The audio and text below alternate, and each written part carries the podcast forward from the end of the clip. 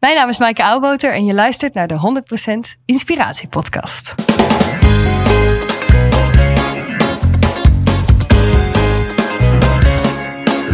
Hey, wat goed dat je luistert. Hij staat weer voor je klaar. Je wekelijkse dosis inspiratie is weer daar. De allerleukste gasten geven al hun kennis prijs. Met je veel te blije host, hij praat je bij. Zijn naam is. Thijs, Thijs,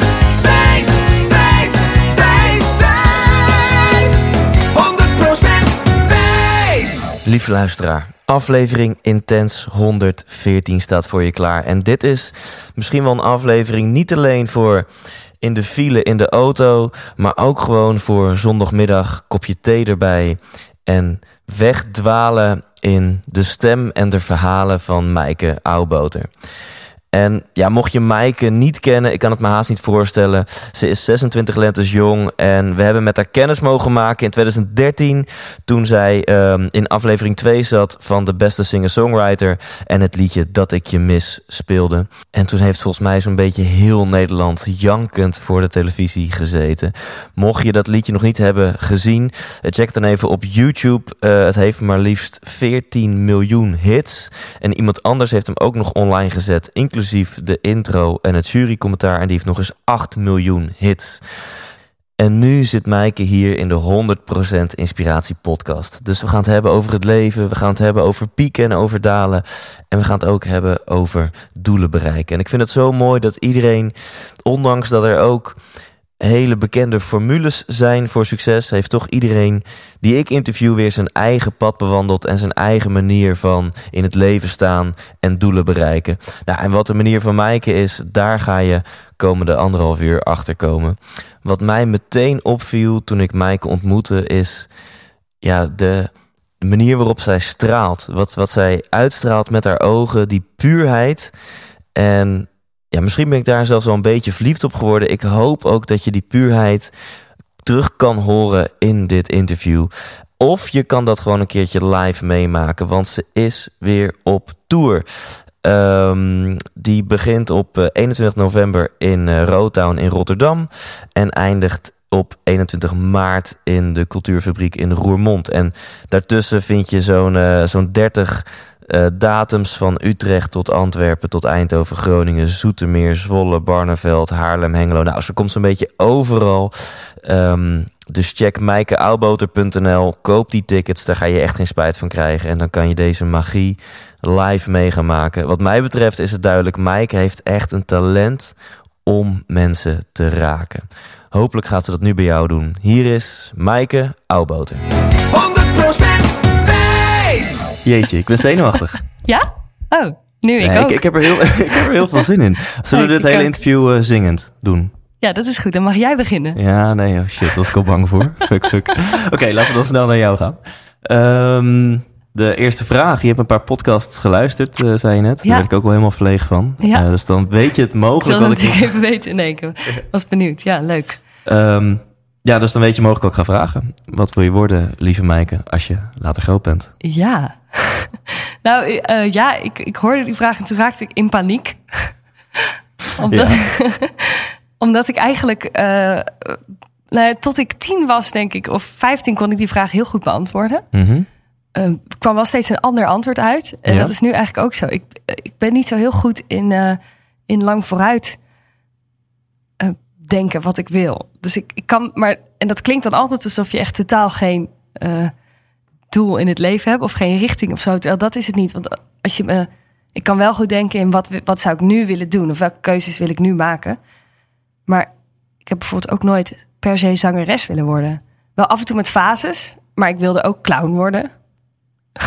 Wauw, ik, ik heb Geen een, hypnotiseur geïnterviewd. Ik weet niet of die dan voor het interview of hierna wordt gepost. In elk geval, hij zei dat een van de meest voorkomende fobieën is een fobie voor clowns. Ja, Eh, ja. Maar goed, jij wilde er een zijn. Ja, maar ik, ik heb denk ik een ander beeld bij clowns dan, dan zeg maar zo'n eng masker. Dus gewoon, je moet gewoon geen horror dingen maken van... Dat is een slecht idee om horror dingen te maken van, van lieve kinderdingen. Ja, dus de film nou, It. en gewoon maskers zijn natuurlijk eng. Want, het, want, want dan, dat betekent, dat heeft per definitie met iets van een niet waar te maken. Of met verbergen van, van iets. En dat is altijd eng, dingen verbergen. Eh, maar dat, maar dat, dat, is niet het antwoord op de vraag. Nee, dus, dus, eh, dus ik weet het eigenlijk niet. En ik, en ik vind dat wel lekker. Want tot nu toe is het steeds goed gekomen. En mensen om mij heen maakten, me dan, maakten zich dan nog wel eens zorgen. Eh, want ik ging bijvoorbeeld, ik heb media en cultuur gestudeerd aan de UvA. En dat ben ik gaan doen omdat ik, ik wilde eerst neurobiologie of zoiets doen. Eh, ik had natuur en techniek gedaan op de middelbare school. Oh, Wauw, ben je, ben je een beta-meisje? Ja, een beetje, ja. Eh, en ik, en ik, vind, ik vond dat fascinerend, maar nou, ik wist het gewoon niet zo goed. En ik heb ook wel auditie gedaan voor het conservatorium, maar dan jazz. Ik kan helemaal geen jazz, dus het was natuurlijk hilarisch. Eh, toen dacht ik, nee, conservatorium is het ook niet. Oh, en ik heb nog klein, nog ehm, conservatorium in Rotterdam muziektheater gedaan, maar dat is het toch eigenlijk ook niet. Dus toen dacht ik, nee, muziek, dat is het niet. Eh, en toen sprak ik een meisje die media en cultuur Wacht studeerde. even, horen we nou Maaike Oudboter zeggen... nee, muziek, dat is het niet. Ja, dat dacht ik toen. Maar dat, Ja. maar dat, was denk ik, dat kwam denk ik uit onzekerheid voort. Wist ik toen niet, kan ik me nu voorstellen dat dat toen... Eh, dus ik dacht, nou, ik, dat moet dan wat anders zijn. En toen sprak ik een meisje die media en cultuur deed.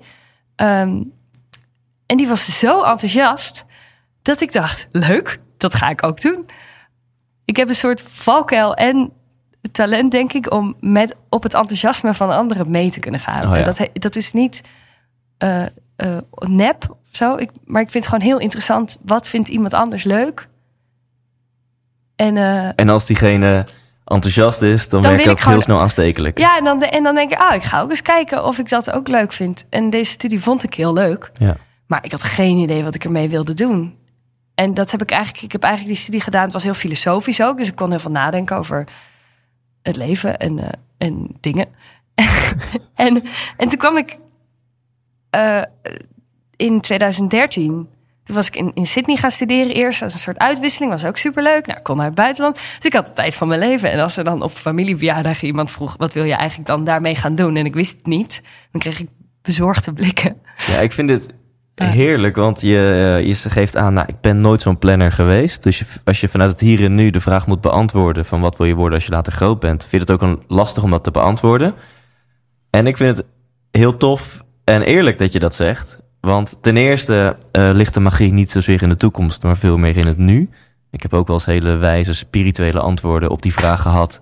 Zoals ehm, gezondheid. Ja, Sorry, dames en heren, hoesten.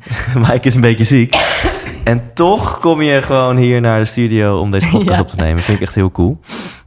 Ehm, maar ik, ik heb ook wel eens hele wijze antwoorden op die vragen gehad. Zoals, nou, de, de toekomst is nu.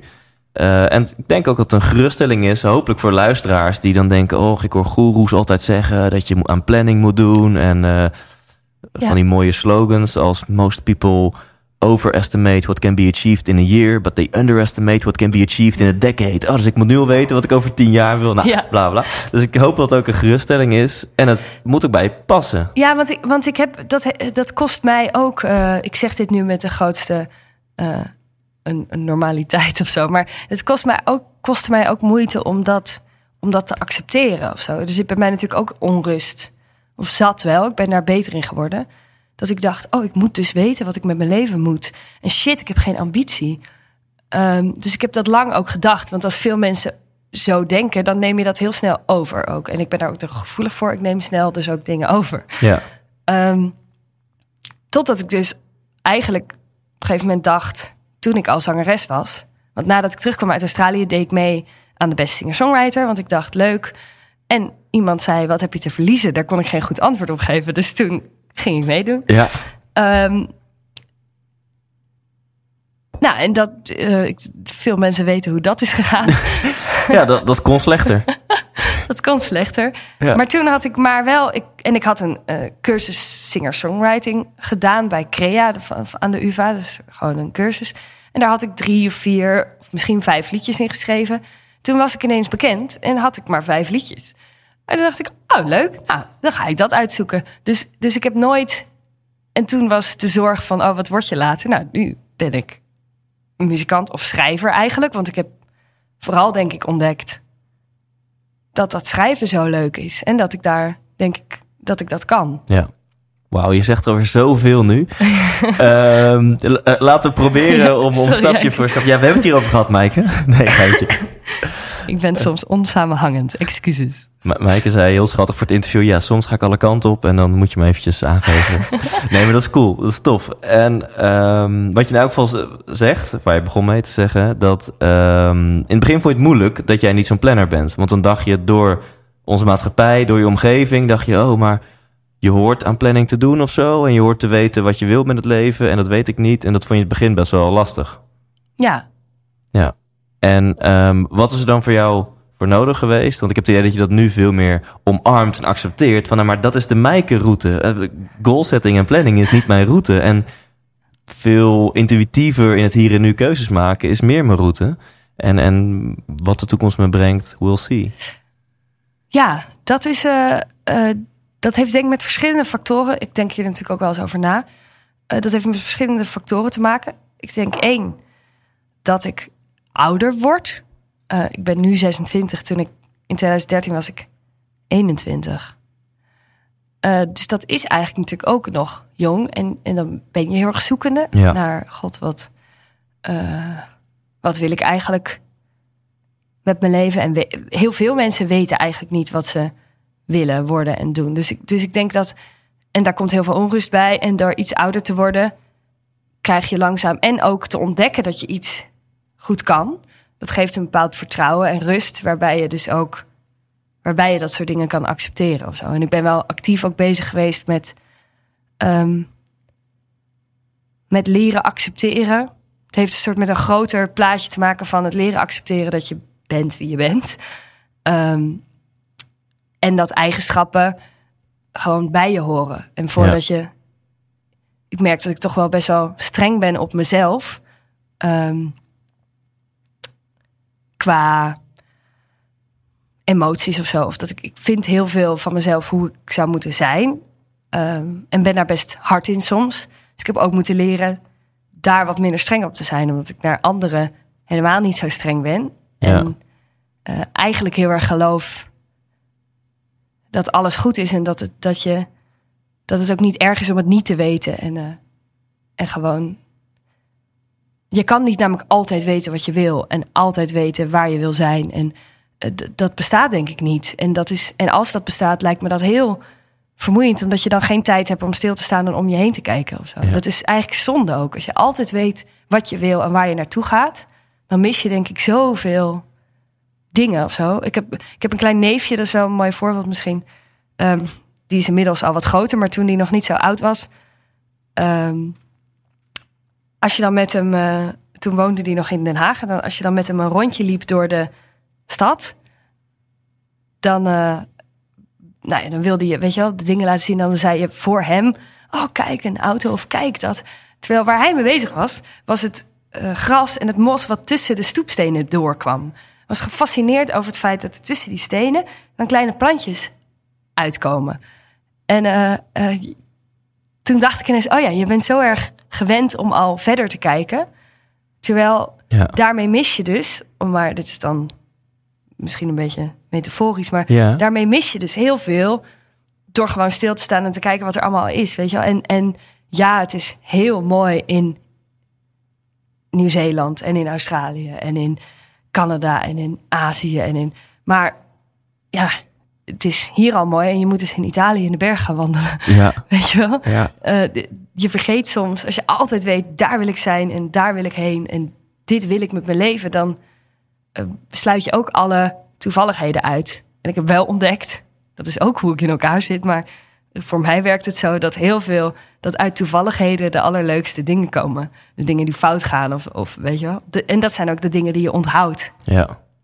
Jeetje Maaike, mocht je muziekcarrière op de een of andere manier stranden... wat niemand zich kan voorstellen... maar dan kun je altijd nog verder gaan als inspiratiegoeroe. ja, dat weet ik niet. Ja. Nee, echt, ik, ik sta echt versteld van de wijsheden... die, die nu afgelopen drie minuten even uit je komen. En uh, ik moet aan een paar quotes uh, denken... om het maar, uh, ja, dan moet jij en de luisteraar maar zien wat je hiermee doet. Maar ik moet denken aan bijvoorbeeld uh, If Life Gives You Lemons, Make Lemonade. Of die van John Lennon. Um, life is what happens to you while you're busy making other plans. Ja. Um, en dat hoor ik heel erg in jouw verhaal. Van ja, je kan wel naar voren kijken, maar de, de toekomst is er niet. Het verleden, gisteren is geweest. En het is veel mooier geïnspireerd, onder andere door je neefje. Of in ieder geval, dat, dat Ja, bracht jou die mooie metafoor om om je heen te kijken. En wat is er nu? En wat voel ik nu? En uit die toevalligheden ge- gebeurt veel meer magie dan gefocustheid misschien op een bepaald specifiek doel in de toekomst. ja. Maar het grappige is dat ik dat dus niet... eh, dat ik dus heb moeten leren... Daar hadden we het natuurlijk ook over... Dat dat dus wijs is. Omdat ik me ook... ehm, dat ik lang heb gevoeld... Shit, dat is... Weet je wel? Dat is juist... Het is of ambitieloos... Of eh, op, in een andere categorie heb ik bijvoorbeeld ook... dat ik niet zo goed kennis onthoud. waardoor ik me soms eh, dom kon voelen. Omdat Ja. ik niet... eh, ik weet zeer weinig feitjes. Ik, mijn hoofd slaat niet zo goed feitjes op. Dus, eh, dus als je mij dingen vraagt... Ik krijg heel vaak de vraag, weet je dat niet? Omdat, omdat ik de feiten niet onthoud. En dan heb ik ook me best wel la- lang een beetje dommig gevoeld. Terwijl de kracht daarin... Maar dat, dat heb ik dus echt moeten leren... om dat op mezelf gerust te stellen eigenlijk. Dus het is... eh, is dat je daardoor... dat soms het ook heel fijn is om dingen niet te weten... omdat je dan vragen gaat stellen. En dat is... Ik denk echt dat de wereld op dit moment wel gebaat zou zijn... bij meer mensen die vragen stellen... in plaats van het al weten. Mooi. Maar dat is weer een ander ding. Maar, dus, maar dat komt dus wel voort uit mijn eigen onvermogen in die andere dingen. Waardoor ik wel eh, moest accepteren. Zo zit ik dus in elkaar. En dat is ook een kracht. Ja. Snap je? Dus het komt niet voort uit, eh, uit volgens een bepaalde. eh, volgens een bepaalde, bepaald idee te willen leven. Maar, maar uit een soort mezelf proberen te Ja. leren kennen. En te ontdekken, oh, het is niet erg dat ik niet altijd overal alles van weet. En Ja. dat, ja. Je weet hem heel mooi om te buigen, inderdaad. En zoals je zelf denk ik zegt, is zo van je gebrek aan geheugen wordt gecompenseerd door gezonde nieuwsgierigheid. ja. Aan de andere kant wil ik ook mijn twijfel stellen of je wel zo, zo slecht weetjes en kennis kan onthouden. Eh, je bent natuurlijk super creatief. En bepaalde dingen vind jij super interessant. En bepaalde dingen vind je waarschijnlijk super compleet niet interessant. misschien en jouw brein inderdaad. denkt dan. Want ik bedoel, de, de akkoorden van het nieuwe liedje van eh, Ed Sheeran. eh, Nou, Oh, dat, dat, dat Oh, fuck. ik, ik probeer je moed in te praten. Nee, nee, maar, nee, je hebt wel ik- gelijk hoor. Het ja. is inderdaad, het heeft ook met interesse te maken. Want ik dacht ook een tijdje dat ik geen discipline had. Dat was omdat ik gewoon geen interessante dingen aan het doen was. Ja. Terwijl nu ik eh, bijvoorbeeld, we gaan op tour binnenkort en dan daar eh, kan ik al, daar neem ik alle tijd die ik heb, besteed ik daaraan om te zorgen dat dat een heel mooi concert wordt. Want ik hou wel, hou heel erg van dingen goed in elkaar zetten. Dus natuurlijk nadenken over de setlist, maar ook eh, hoe, hoe, ja, hoe wordt dat een echt, echt mooie avond? Hoe, hoe vallen al die liedjes samen? En, Ja, en daar, eh, daar ga ik all out. all out. Ja, en ook met het maken van de plaat. Daar zijn we zo diep ingedoken. Ja. Zowel de eerste als de tweede. Nou, de- dan kan je niet zeggen dat je geen discipline hebt. Dus inderdaad ook eh, de, de categorie en waar mijn interesse ligt. Maar het is ook wel zo dat ik het soms, zelfs met muziek... want ook muzikanten of zo ken ik vaak... of, als je me vraagt waar ben je fan van... of wat voor muziek luister je... dan krijg ik ook alweer een error. En dan denk ik, oh shit, eh, oh ja, muzikanten. eh, eh, en dan en dan noemen mensen iets en dan denk ik, oh, wie? Sorry, wie?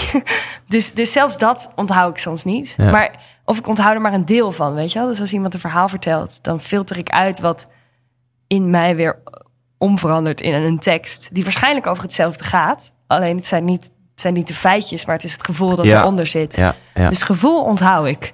Ja, ik, dus de, de essentie, wat voor jou de essentie is, wat voor jou de emotie was bij dat stukje kennis, bij dat verhaal, bij die persoon, dat onthoud je. Ja, En de exacte woorden, ja. dat vind je wat lastiger. Ja, ja. Ja.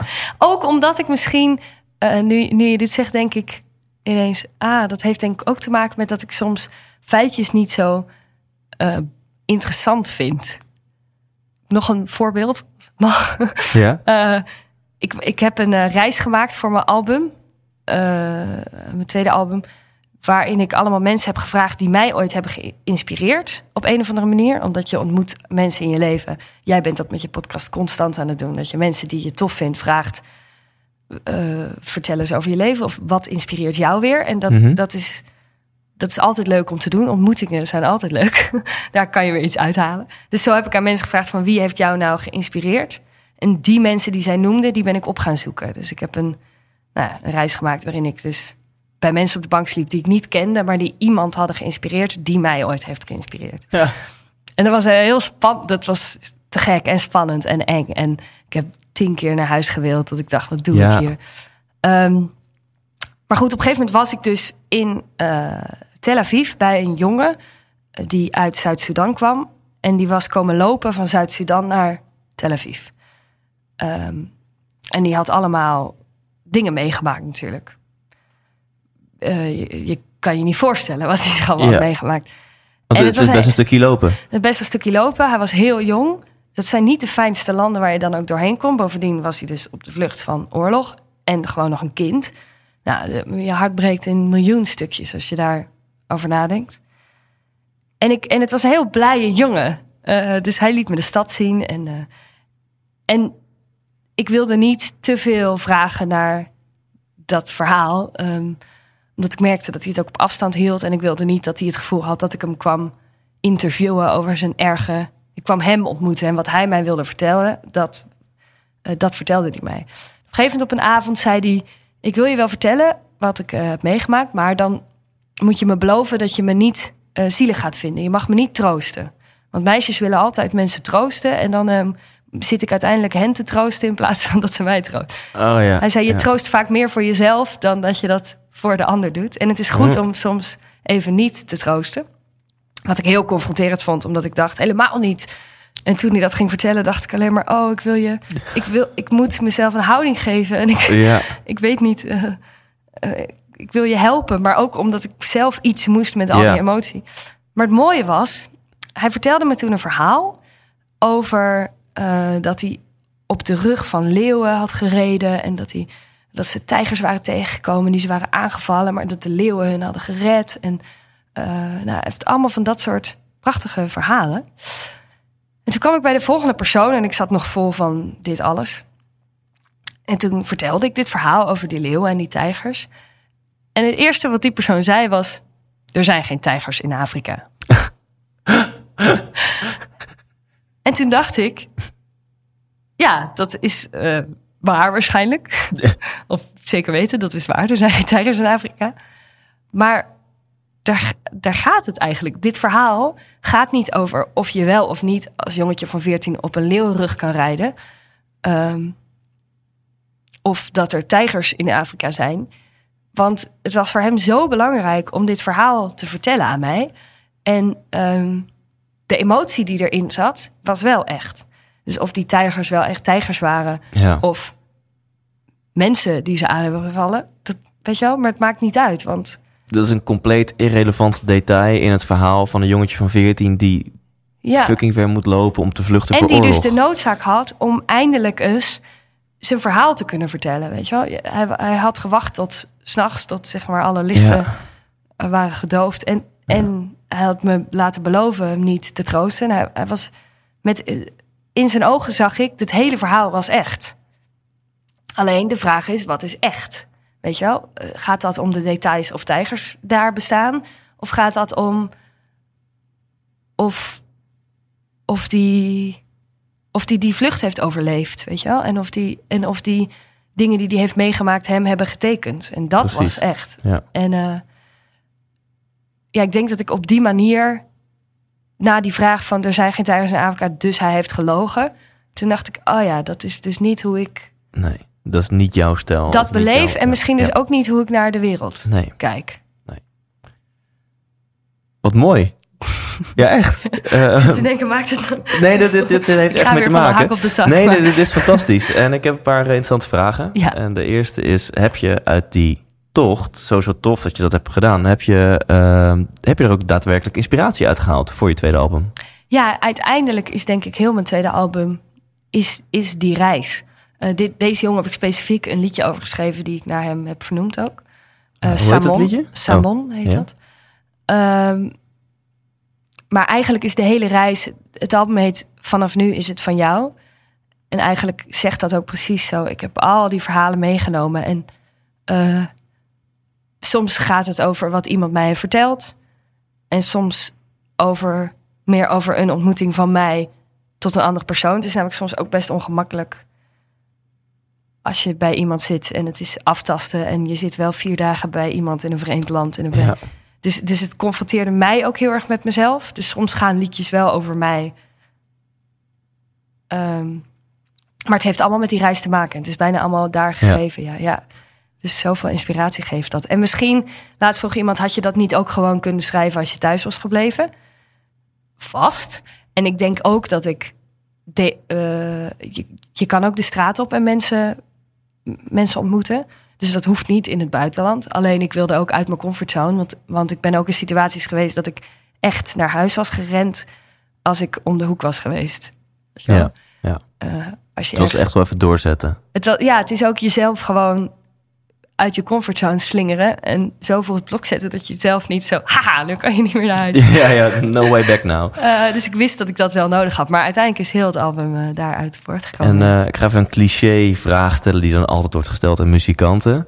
Wat is dan jouw proces om een liedje te schrijven? Is dat soms dat je na zo'n verhaal bijvoorbeeld geïnspireerd raakt en hij vliegt er zo uit? Of ben je iemand die echt eindeloos blijft perfectioneren en weer dit even aanpassen en de brug even aanpassen en zus en zo? Nou, dat proces is een beetje veranderd. Wat leuk is, ik schrijf sowieso heel erg vanuit tekst. Dus, eh, dus het begint inderdaad op zo'n reis heb ik talloze boekjes bij me. En daar schrijf ik zinnen in op. Bijvoorbeeld met die, met die Samon schreef ik dan op eh, het beeld van dat je iemand troost voor, voor jezelf. Eh, dus, ja. dus toen schreef ik de zin op. Ik, schrijf, ik, ik wrijf mijn spanning uit jouw sterke schouders. Zo, en dat, dat schrijf ik dan op. En dat laat ik dan weer liggen. En dan denk ik, oh, wat moet ik hier nou weer mee? Nou, het zal wel. En, en soms vertelt iemand een verhaal. Een kunstenaar vertelde me een verhaal over dat hij het liefst al zijn herinneringen, alles wat hij weet, zou, zou willen vasthouden in een zwarte doos. Nou, dat, dat beeld schreef ik ook op. Hmm. En langzaam worden dat dan liedjes doordat ik op een gegeven moment als ik thuis ben, eerst kwam er helemaal niks. Toen dacht ik, shit, de reis is mislukt. Want er is niks. Terwijl toen vergat ik Komt een die heel... innerlijke criticus weer? Ja, ja, maar echt, dat zit je zo in de... Oh, het zit me soms zo in de weg. Want ik vergat een vrij essentieel ingrediënt in dit proces. Tijd. Je moet wel dingen laten bezinken. En, en eh, ook daarin weer... Je moet soms een periode hebben... waarin je helemaal niks zinnigs maakt. Waarin er gewoon geen fuck gebeurt. Omdat je dat proces van bezinking nodig hebt. Mhm. Ah, dat vind ik nogal frustrerend. Dus dat is. daar En dan blijf ik worstelen met Is het ook weer mezelf. zo'n cliché dat je dan moet loslaten? Weet je, je kan een creatief proces niet afdwingen. Van Ja. ik ga nu op dinsdagmiddag ga ik eh, dat liedje afschrijven. Ja, nou ja en nee. Want ik heb ook geleerd. eh, ik heb het daar met Jochem Meijer wel eens over gehad. En die zegt: Het is ook gewoon, ja, het is inspiratie en binnenvallen. En daarna is het ook gewoon keihard werken. En dat is ook wel zo, want je moet soms. Je kan het niet afdwingen, maar wat je wel kan doen, is jezelf te dwingen er tijd voor te nemen. En er dus wel voor te gaan zitten. En dan moet je accepteren dat als je alleen maar slechte dingen maakt, dat dat dan oké is. En dat dat bij het proces hoort. Ja.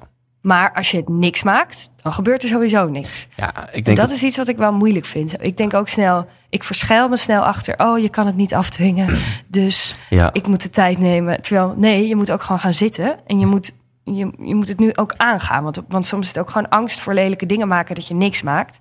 En dat is echt zonde. ja, ik denk dat elke creatief persoon, elke kunstenaar, of je nu schilderijen maakt of liedjes of een inspiratieshow, heb je deadlines nodig. Ja, dat denk ik ook. Ja. En, en soms kan het wel zijn dat, er, dat het gewoon er nog niet is. En dat die deadline te vroeg kwam. Ehm, dat is bij mij ook met album gebeurd. En soms, weet je wel, het, is wel, het moet wel goed zijn. Ik heb wel vanaf, vanaf dat programma heb ik altijd besloten... oké, als ik dit dan ga doen... dan wil ik wel, ondanks dat er hele hoge druk op staat... want iedereen verwacht nu een album... en ik moet nog heel veel liedjes schrijven... alles wat ik uitbreng, moet ik wel goed vinden. En ik kan drie jaar later denken... nou, dat zou ik nu anders doen. Maar op dat moment dat ik het uitbreng... moet ik er helemaal achter staan. Want anders word je heel ongelukkig. ja, en is het niet zo dat op het moment dat het uitkomt, zit er weer een tijd tussen dat je het hebt geschreven en heb je alweer nieuwe groei doorgemaakt? Dus is het niet altijd zo dat de shit die je uitbrengt, is altijd voor jouw gevoel, ja, maar ik kan beter? Ja, maar nou, voor mij toch nog niet, toch niet helemaal zo. Want ik ben wel met dit album, dit laatste, en dat had ik met het eerste ook, dat hele proces was een best wel intens proces. En toen het af was, dacht ik, wist ik wel, dit is alles wat ik eruit kan halen. Ehm, en ook omdat het leuk is om natuurlijk samen te werken met mensen. En ik heb tot nu toe het geluk gehad dat iedereen die met mij samenwerkte aan dit album net zoveel ziel erin legde, wat heel bijzonder is, waar ik ze heel dankbaar voor ben. Ehm, dus dan weet je gewoon met elkaar, dit is nu wat we hiervan kunnen maken. Het, mooi- Ja. het mooiste op dit moment. Dus als ik daar naar luister, luister ik daar ook. Ik luister er niet zo vaak naar, maar zo naar, weet je wel? Ja. Omdat we er wel heel lang over hebben gedaan om dat te maken. Dus het was wel. Dat proces was ook wel zo slopend.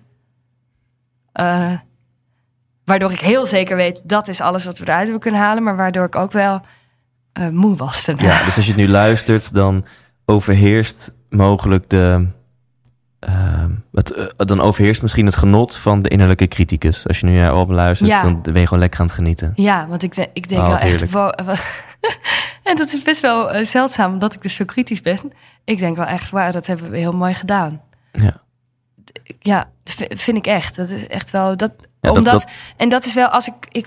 Ik denk, ik zie dat ook wel. En ook als we live spelen, staat een soort. Het is het liedje wat centraal staat. En het liedje is de tekst plus de melodie plus de akkoorden. Ehm, en alles wat we doen is in dienst van dat liedje. Dus als je het opneemt, eh, hebben we ook heel erg melodisch gekeken. Van naar wat, hoe vertelt het dit verhaal op een zo mooi mogelijke manier. Met al deze, welke instrumenten horen daarbij. Wat, eh, dus op die manier hebben we naar het liedje gekeken. En de producer Dries Belsma, die eh, werkt ook heel erg zo. Dat is een heel gevoelige man. Die, die dus ook dat op die manier gevoelsmatig aanpakte. En ook eh, en dat vind ik een heel tof aan dat proces. En ook live, alle muzikanten waarmee ik speel, dat zijn echt fantastische muzikanten.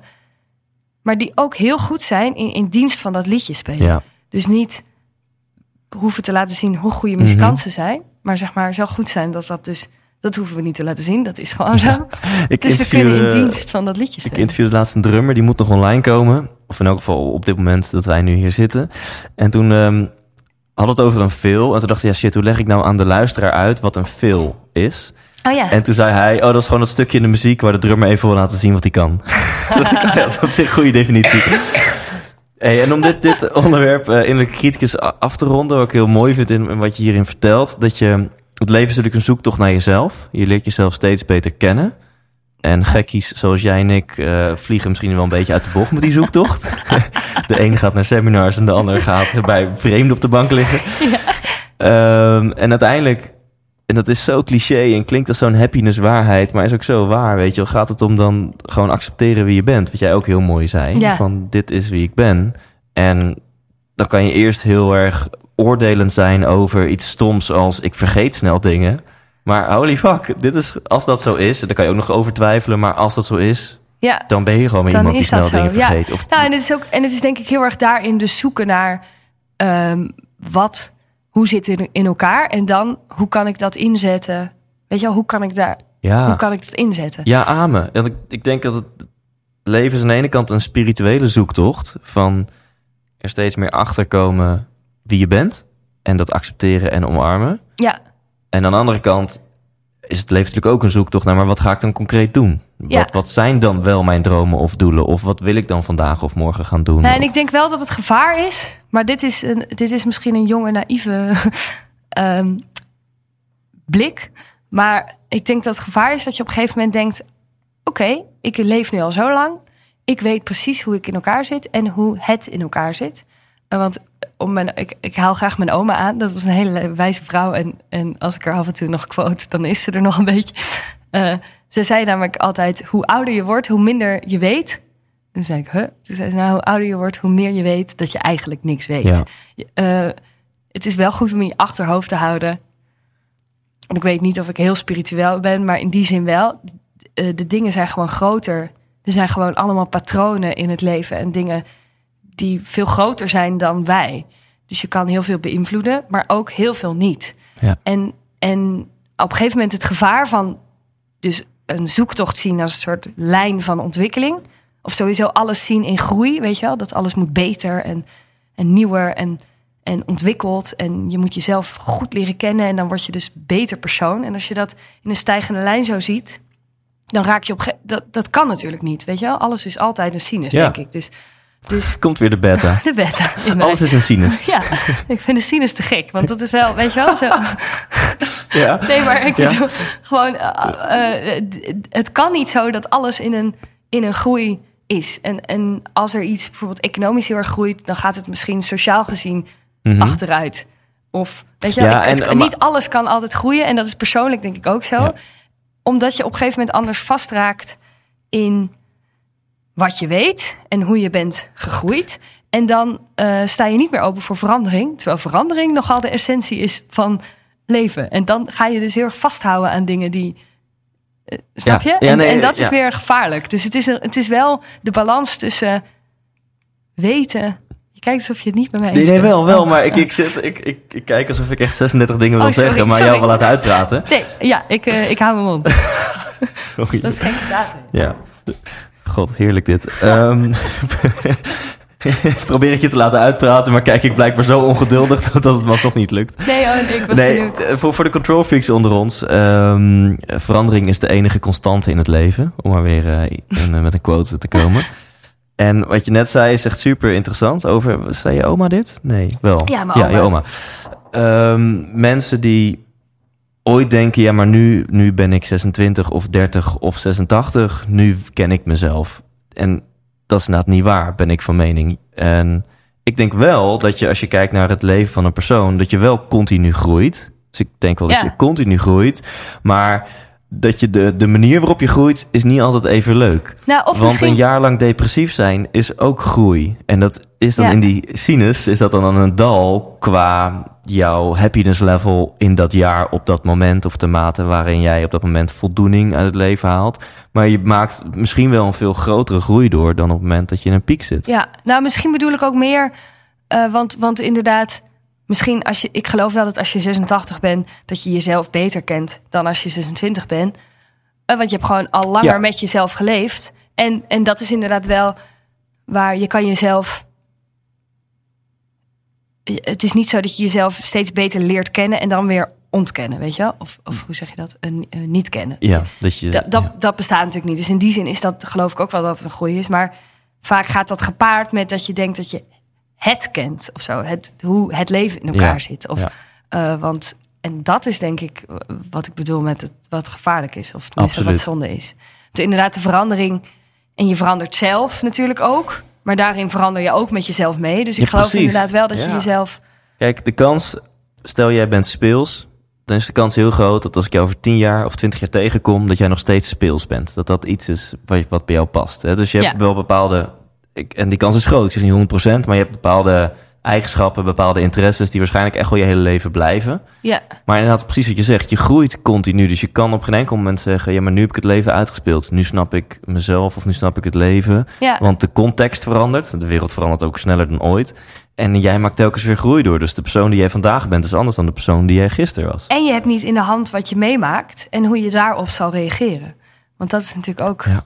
zo. Je weet niet wat er allemaal nog gaat gebeuren en of je. eh, we doen natuurlijk heel hard ons best allemaal, maar eh, het is niet zo dat iedereen perfect overal mee om kan gaan al voordat ze ergens in terechtkomen. Dat weet je pas als je erin terechtkomt. En om dan een mooi bruggetje te leggen. Je hebt het bijvoorbeeld niet in de hand dat je ineens op tv een liedje speelt. en dat het door het dak gaat. Ja, Ehm, want ja, dat, dat, dat zei je net tussen neus en lippen door. Van dat, het is niet zo dat jij toen, want het is in 2013, dus vijf jaar geleden, je was zo'n 21. Het is niet zo als ik jou een week voor die uitzending had geïnterviewd. Dat je dan had gezegd, mijn grote droom is om door te breken als singer-songwriter. nee.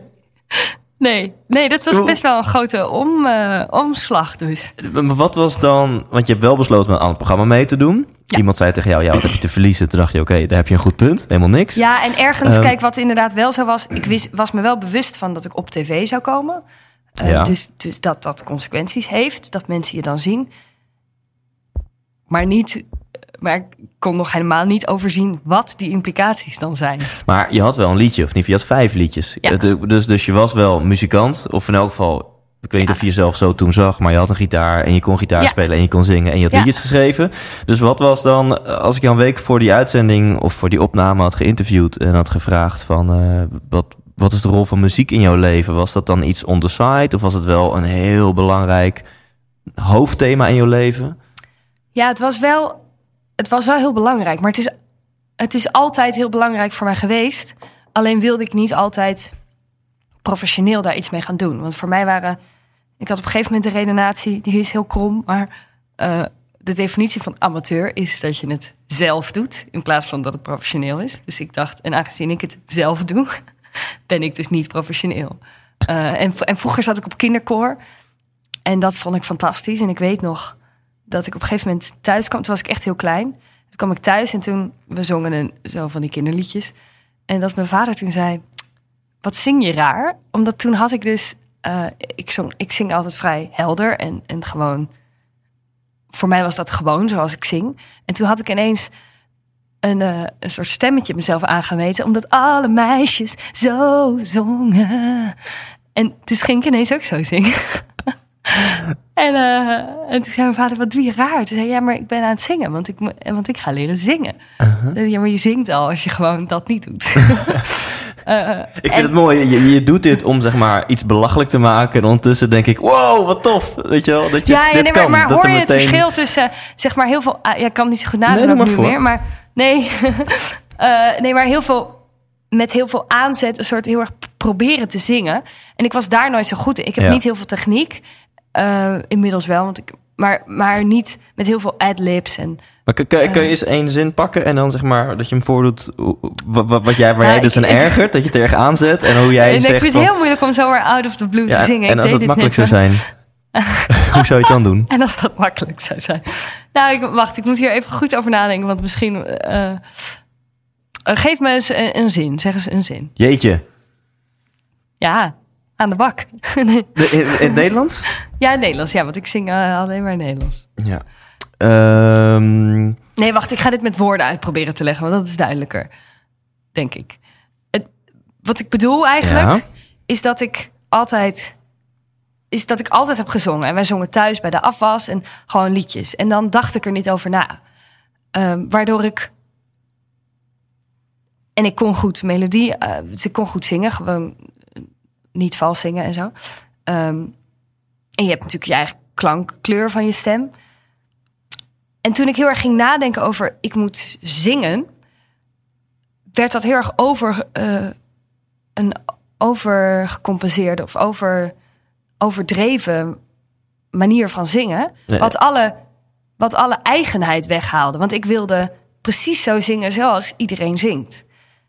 En En omdat ik mijn eigen, omdat ik mijn eigenheid, Ja? nee, omdat, omdat ik mijn eigenheid, eh, eh, dat vond ik saai, want dat is gewoon hoe ik zing, maar Oh, dat is ja. niet hoe mensen Ja, zingen. ja, ja. Dus had ik toen geconcludeerd, dus ik zal nooit zangeres worden, want dat ben ik niet, want ik zing gewoon.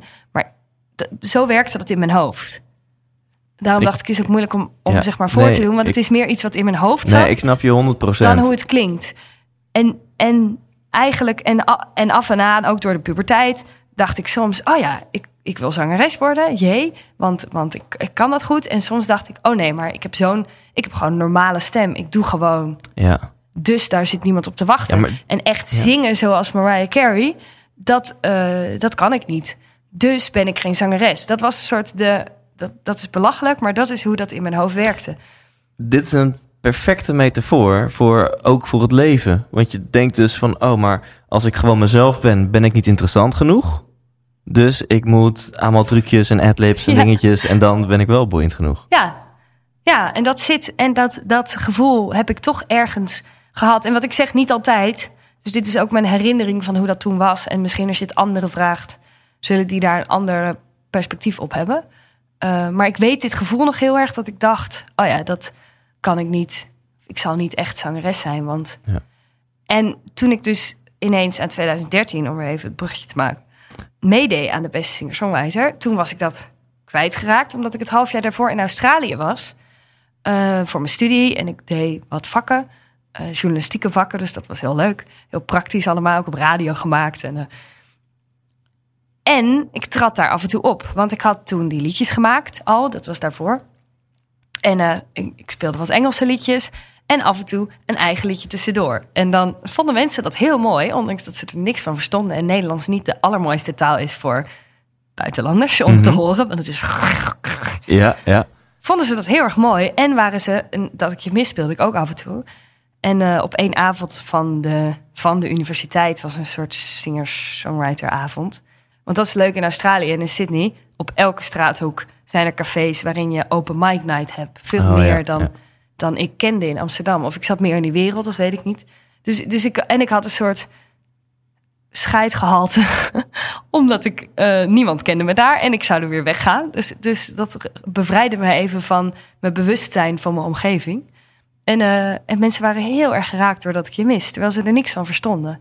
En toen dacht ik, ah, dus het heeft niet alleen met de tekst te maken. Ik kan ook echt iets overbrengen. Ja, en, en in Dat Ik Je Mis, die speelde je ook toen voor jouw gevoel echt op zijn mijkes. Zonder de trucjes en Ja, de adlibs. Ja. ja. En, en toen want werd jij want soort dat van... was ik kwijt door die songwriting cursus. Maar, toen, maar toen even, toen ik weer ineens dus bekend was met dat ik je mis en iedereen dat kende, dacht ik ineens weer: oh ja, maar ik ben natuurlijk geen zangeres. Dus dat, en ik denk ook als ik nu interviews teruglees van het begin, dat ik ook heel, ik was heel bewust bezig met mezelf geen zangeres te noemen. Oh ja. En totdat mijn vocalcoach op een gegeven moment zei: Dat mag je van mij niet meer zeggen. Je bent wel degelijk zangeres. Dus eh, stop daarmee. maar dat zat zo nog in mijn eigen systeem. Grappig hoe je zelf soms in de weg Ja. kan zitten. Eh, is dat zo in mijn hoofd van: Oh nee, ik ben geen zangeres. Want je dacht, Mariah Carey is een zangeres. Maar Ja. wat ik doe, ik ben gewoon mijn Ik ben gewoon een verhaal aan het vertellen. Ja, ja. En dat komt deels voort, die noodzaak om dat zo te formuleren, was ook omdat ik gewoon, omdat waarom ik zangeres ben geworden uiteindelijk en waarom ik de liedjes ben gaan schrijven, is vanuit de noodzaak om te schrijven en niet vanuit de noodzaak om, eh, om te zingen of zo. Ja. Maar dat is, dat is in, intrinsiek, zeg maar. Dat is Ja. voor mezelf. Ja. Maar goed, ik ben wel zangeres. En ik vind het ook heel leuk. Want zou iemand anders mijn liedjes mogen zingen? Ook heel leuk. Ik schrijf ook graag voor anderen. Maar eh, het is uiteindelijk voor mezelf dat ik schrijf, weet Ja, je wel? ja. En ehm, ik wil nu heel veel dingen gaan vragen over dat moment, over die Ja. doorbraak en zo. Die, die opnames, hoe ver van tevoren waren die trouwens? Ja, nu komt mijn geheugen. Eh, een, een tijdje ervoor. En het grappige is, dat, het was heel leuk. We zijn nu dus op Eiburg. Ja. Ehm, en eh, hier waren ook de voorrondes. oh, op het kantoor van Blasowski. En dat zit hier ook. Dus ik kwam hier net aanrijden. Toen kreeg ik weer helemaal zo... Oh gevoel, ja, ja. die tijd. Ja, die tijd terug. Laat ik dan gewoon mijn vraag stellen, want hoe lang het van tevoren was, maakt niet zoveel uit. Maar had je toen die opnames erop zaten, had je toen wel al wel het gevoel, oeh, dit gaat, Nee. dit gaat bijzonder worden is als echt dit... leuk. eh, Nee, echt leuk. Ik had, geen, ik had geen idee. Want het is heel moeilijk om zelf te beoordelen. Eh, voor mij was dat namelijk een liedje wat zo... Dat had ik gewoon zelf gemaakt. En ik had geen referentiepunt, weet je wel. Eh, dus ik had hier voorrondes gedaan.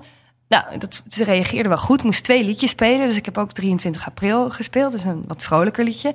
En we hadden steeds met vrienden eh, en familie discussie over... moet ik nou dat ik je mis zingen voor auditie of 23 april? Want 23 april is wel vrolijker en daar zitten mensen sneller op te wachten. Eh, dus ik heb nog heel lang getwijfeld. En toen dacht ik, ja, ik vind dat ik je mis toch mooier gelukt, denk ik. Dus toen heb ik dat maar gedaan. Maar grappig hoe dat een... Moet je nagaan als ik dat andere liedje had gekozen. Ja, ja, dat vind ik heel mooi dat je dat zegt. Ehm, ja. Eh, dus, dus zo, dit soort hele... Toen was dat gewoon een, nou, niet zo'n belangrijke keuze nog. Terwijl nu, als je weet wat er allemaal daarna is gebeurd... dan is het heel belangrijk dat ik, dat ik je mis toen heb gedaan natuurlijk. Maar toen eh, bij die voorrondes weet ik nog dat...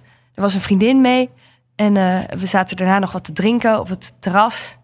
eh, voor, voor die ruimte. En toen kwamen zij naar buiten en toen zeiden ze nog wel tegen mij zo... Oh, echt goed gedaan. Dus ik zei, oh, dankjewel. En toen zaten wij zo daarna, toen ze weg waren... Oh, oh, dat betekent misschien wel dat je door bent. Spannend. Oh ja, ja, nee, dat, zal, nee, dat zullen ze tegen iedereen zeggen. Nou, ze klonken wel enthousiast hoor. Oh ja. Zo'n soort gesprek. Ehm, nou, en toen was ik door. En toen was er de auditie die je uiteindelijk op tv hebt gezien. En eh, dat was ook heel spannend. Omdat er allemaal mensen waren die on- eh, onzeker zijn en zenuwachtig. En ik me ook wel kan herinneren dat mensen dan vroegen zo... Heel aardig iedereen. ehm, van wat wat, eh, wat maak jij eigenlijk? Dat ik zei, ja, het is Nederlandstalig. En, oh ja, ik hou niet van Nederlandstalig. De- en dat waren je concurrenten die dat zeiden. Ja. ja. ja. Wat ik vaker hoor, ik hou niet van Nederlandstalig. En dan denk ik, het is in principe je eigen taal en het is niet een genre. Er zijn heel veel verschillende genres waarin je in de Nederlandse taal zou kunnen zingen. Dat terzijde. Ja, je kan ook grunten in het Nederlands. Ja, precies. Ja. ik hou niet van Nederlandstalig. Maar toen, dus nu denk ik, oké, moet je zelf weten. Mhm. Maar toen vond ik dat, omdat ik zo onzeker erover was en gewoon zenuwachtig, dacht ik, oh ja, nee, ja, wat dom eigenlijk van mij dat ik denk dat dat kan in het Nederlands. Ik was zo beïnvloedbaar door wat anderen dan zeiden. Dus ik voelde me heel erg, en iedereen had al heel veel ervaring. En ik had op het open podium van mijn studievereniging gespeeld. En ik had wel, ik heb in, op de jeugdtheaterschool gezeten, dus veel op het podium gestaan, maar gewoon met het theater. Dus, dus ik dacht, shit, ik heb helemaal geen muziekervaring. En, eh, dus ik was vooral heel onzeker. En toen uiteindelijk die auditie, eh, moesten ze natuurlijk huilen. Maar dat zie je op tv veel beter dan vanaf waar ik stond. Mm, ja. Dus ik zag wel dat het ze raakte. Maar zelfs toen dacht ik nog niet, en dat komt gewoon omdat ik heel zenuwachtig was. Dacht ik niet, oh, nou ja, nu zit ik wel, eh, nu ben ik, zal ik wel door zijn. Ik dacht alleen maar, oh, wat spannend. Toen zei op een gegeven moment iedereen tegen mij, oh ja, maar, ja, maar jij bent sowieso door. Jij bent natuurlijk sowieso door. Oh, en ik vond het zo spannend, nog totdat ze zeiden dat ik dus mee mocht doen. Wow. Wow, ik was zo verrast. Ik dacht niet, nou, ik zit gebakken. Omdat ik gewoon, omdat je soms in je eigen wereld en zo erg in je eigen zenuwen kan zitten, dat je dan en je in je eigen onzekerheid dus, dat je helemaal niet geen acht slaat op alle signalen die zeggen ja. het komt wel goed. Ja. Ja. Ja, je bent een soort van in trance misschien wel. Gezondheid. Dank je. Neem even een slokje water. Dit is het, eh, het zware leven van, een- van een podcaster, van podcast opmaken. Ja. Je hebt zelf ook een podcast, zie ik trouwens. Ja, klopt. Ja, tof. Waar, eigenlijk is dat eh, eh, wat ik met het eh, album ook heb gedaan. Dus ik vraag aan mensen die mij hebben geïnspireerd om te vertellen over een ontmoeting die ze is bijgebleven. Dus het is meer een geëdit, Ah, geëdit verhaal van iemand over iemand anders. Heel tof. Ze duren ook maar 17 minuten. Ja, is leuk. En, en nog even over die, die uitzending dan, hè? Ja. want daar, daar waren we nog en daar zit ik middenin. Je zegt je was super zenuwachtig en dan ben je inderdaad een beetje in trance, dat weet ik zelf ook. Dus dan vang je misschien niet alle signalen even mooi op. Nee. Terwijl jij dat liedje aan het spelen was, was je toen wel echt in het moment? Ja, Of was je... Ja, oké. want ik dacht, en dat is, dat, dat is wat dat lied ook wel afdwingt. Eh, want ik heb het nu inmiddels natuurlijk zo vaak gespeeld. En ik blijf dat. De enige manier om dat te spelen is om het te vertellen van A tot Z. Ehm, en daarmee bedoel ik dat zodra ik begin met dat lied, zit ik wel in dat lied. Anders verliest het ook alle betekenis. Weet je, het zijn zoveel woorden. Mhm. Dus, dus, dus als je dat niet vertelt en opdreunt, dan betekent het niks meer. En je speelt natuurlijk veel in theaters, dan kan je het publiek niet zo goed zien. Nee. Maar als je op plekken speelt waar het publiek wel goed kan zien, eh, zie je ook gewoon de, helft van de mensen in tranen als je dit live speelt. Ja, dat gebeurt wel. En eh, eh, wat ik heb als ik live speel, omdat ik het dus ook zie als een verhaal wat je vertelt, eh, ik vind het heel prettig om mensen aan te kijken. En dat is een beetje eh, uniek voor, eh, voor singer-songwriters of voor muzikanten. Ja. Dus ook, ik vind het helemaal niet zo erg. Laatst heb ik in de kerk gespeeld. En, en toen zag je zo het publiek helemaal zitten. Dat vond ik eigenlijk wel leuk. Want dan kan je echt oogcontact maken. En, en je ziet gauw genoeg of iemand dat eh, heel onprettig vindt of ja. wel prettig. En dan, dan laat ik ook mensen met rust als, ik, als ze het onprettig vinden. ja, ja, en dan kijk je iemand diep in de ogen aan die, die hysterisch staat te janken. Ja, nou, ja, als ik aan het spelen ben, kan ik dat dus bij iemand laten. Ja, Eh, terwijl, dat is echt heel grappig, want als persoon, als ik dus geen muziek aan het maken ben en niet op een podium sta, kan ik emoties minder goed bij iemand laten. Als er Ja. een film is en iemand moet huilen, moet ik acuut ook huilen. ja dat is precies wat ik dacht toen ik, toen ik dit voor het eerst op tv zag. Dat ik dacht, hoe, hoe kan zij, hoe houdt zij het zelf droog, Ja. weet je wel? En dit is dus je antwoord. Als je muziek maakt, dan, dan lukt het Ja, jou dan om- vertel ik het verhaal. Ja. Eh, dus dan zit ik meer in het vertellen dan in het op die manier contact maken. En er zit een soort, er komt dan een soort rust. Ja, dat is een, een dan zit je in een soort state waar ik anders niet in kom, grappig genoeg. En- En ik zag natuurlijk niet, op tv zie je heel duidelijk dat zij aan het huilen zijn. Dat zie je van zo'n afstand niet. Nee.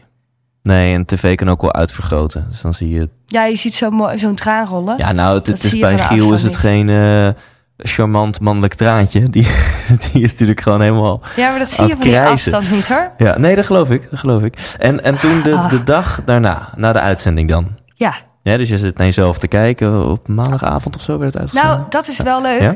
Eh, het was natuurlijk eerder opgenomen. Toen werd het, moest ik het best lang stilhouden. Eh, en toen werd het opgenomen. En ik ging op vakantie een week naar Venetië. Eh, er was iemand die deed een expositie bij de Biennale daar. En wij gingen met z'n allen daarheen. Dus we hadden, zaten in een huis en we zo lekker vakantie. En ik had nog gevraagd van tevoren, kan ik eigenlijk weg? Als dat wordt uitgezonden en zo. Nou, dat kon wel. Want we begonnen pas die week daarna met opnemen. En ze verwachten niet echt dat ik nog iets moest doen in de tussentijd. Dus jij dat was in. Venetië toen dit werd Dus ik uitgezonden. was in Venetië en we hebben het daar zitten kijken. En we hebben helemaal gedoe met, eh, met op tijd verbinding Ja, krijgen. en of we dat konden kijken en zo. En toen hadden we het gezien. Nou, dat was leuk. En toen kon ik gewoon... Toen ging ik gewoon weer mijn ding doen. Behalve dat we natuurlijk eventjes gingen kijken. Want het stond gelijk op iTunes. En eh, even gingen kijken wat er gebeurde. En die avond nog... En de vriend van mijn zus was heel geïnteresseerd in data en zo. Ja, ik was alweer... Ik dacht, oké, leuk. Nou, nou, ja, ja. Nou, kunnen we vieren dat ik door ben. En dan gaan we lekker weer eh tafeltennissen buiten. en toen stond ik die avond nog ineens op één in de charts. Wat natuurlijk zo absurd is als je in Venetië in een huis zit met een, gewoon een tafeltennistafel buiten. Snap je? De, het contrast is zo groot. En dan kan je zoiets als op één staan in de top 40 niet echt bevatten. Plus, je, je had nog echt beperkte ervaring als Gewoon nul. uitvoerend muzikant. Ja, dus ik had geen idee Links- wat dat dan inhoudt ook. En ineens sta je op één. Ja, was heel, was heel Je grappig. Eerste top 40 notering ooit, eh, denk ik. En dan bam, één. Ja. Ja, nee, bizar. Dus, dus, en omdat je natuurlijk, zodra je de computer uitzet, dat was ook zo gek, is het er niet meer. Weet je wel? Eh, eh, omdat je niet. Ja, ik zat echt in een andere bubbel. Maar had je niet meteen eh, je telefoon, de wereld erdoor, Nou, late gelukkig- night, eh 538, Giel Belen, alles erop en eraan? Gelukkig, eh nou, Giro zat in het programma. Ja. dus iedereen wist dat ik op vakantie was. En, en het programma heeft me wel echt heel erg goed geholpen met deze chaos. Want vanaf toen was het chaos. Mhm. En, en RTL Boulevard, of, nou, die wilde nou ook langskomen in Venetië om een interview. En, en toen dacht ik, oh help. eh, en dat is allemaal, hebben, we allemaal, hebben zij allemaal afgehouden, ook het programma. Wat ik heel goed van ze vind. Omdat dat, dat had me denk ik wel echt overspoeld. Nu had ik wel nog Ja. een week om te acclimatiseren. Ik ging constant aan de telefoon om een interview te doen. Dus in Venetië was je continu met de Edwin Evers, met, eh, Ja, met iedereen ja, eh, en ik interview weet gaan nog, doen. Koen en Sander, toen stond ik... Oh, als ik dat dan terug hoor... Omdat ik dus vrij niet echt plan en dus ook makkelijk goed tegen verandering kan... was dit ook zo, oh leuk, oké, nou, oké. Dus, dus ik stond op een treinstation te bellen met Koen en Sander. Oh, sorry, komt de trein voorbij? Hallo, ben ik weer?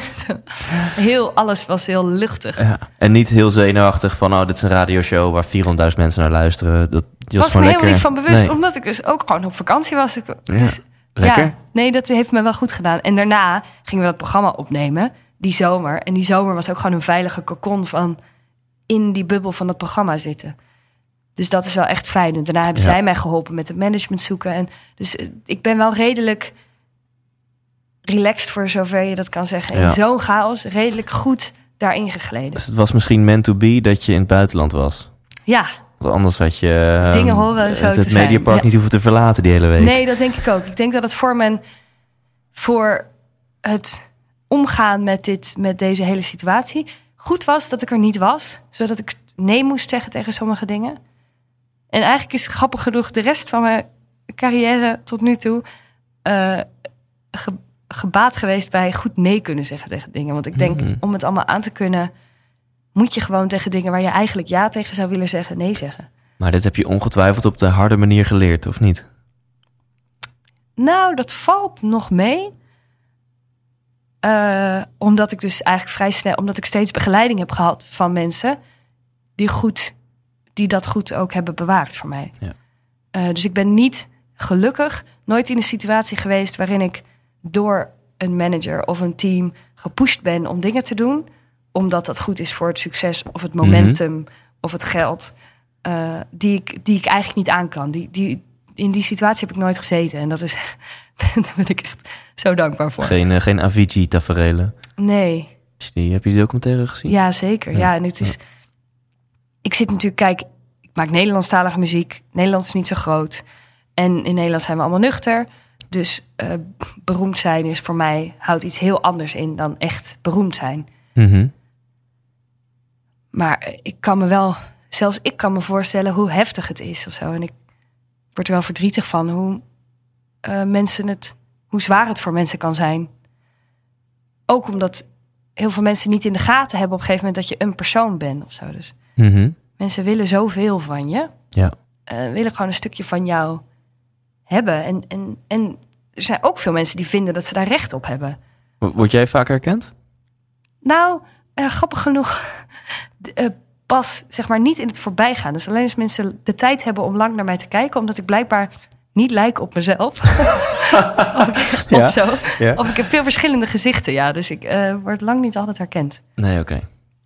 Als ik zonder make-up over straat ga, dan zijn er weinig mensen die mij herkennen. Grappig. Maar goed, zoveel make-up draag nee, je niet. maar als ik dus helemaal geen make-up op heb, ik dus een ander gezicht. Oké, oké.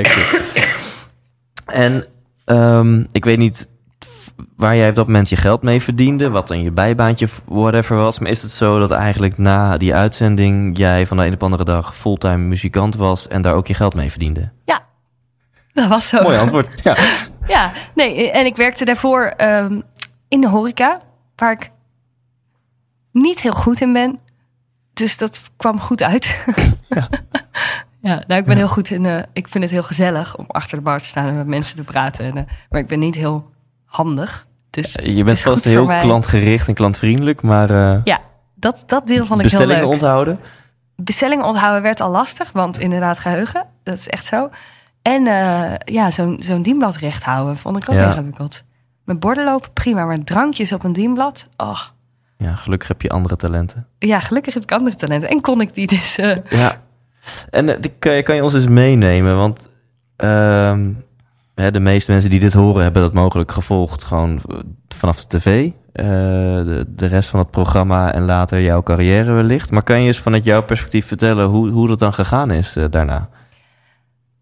dus na het programma bedoel je? Ja, dus je, je leven. Hoe, want je, het, het is natuurlijk bizar hoe je overnight, gewoon letterlijk, Ja, en beroemd bent geworden. ja. En, En- een ander leven had. Ja, je hele ineens wat je net Ja. zegt. Was ik muzikant? Was dat mijn fulltime job? Waar ik ook gewoon mijn geld mee verdiende? Weet je, dus bam, alles is Ja. anders. Hoe, hoe is dat? Nou, ik moest... eh, er was een soort overgangsfase waarin ik eh, had besloten dat ik wel mijn bachelor wilde halen. Ja, Dus dat heb ik gedaan.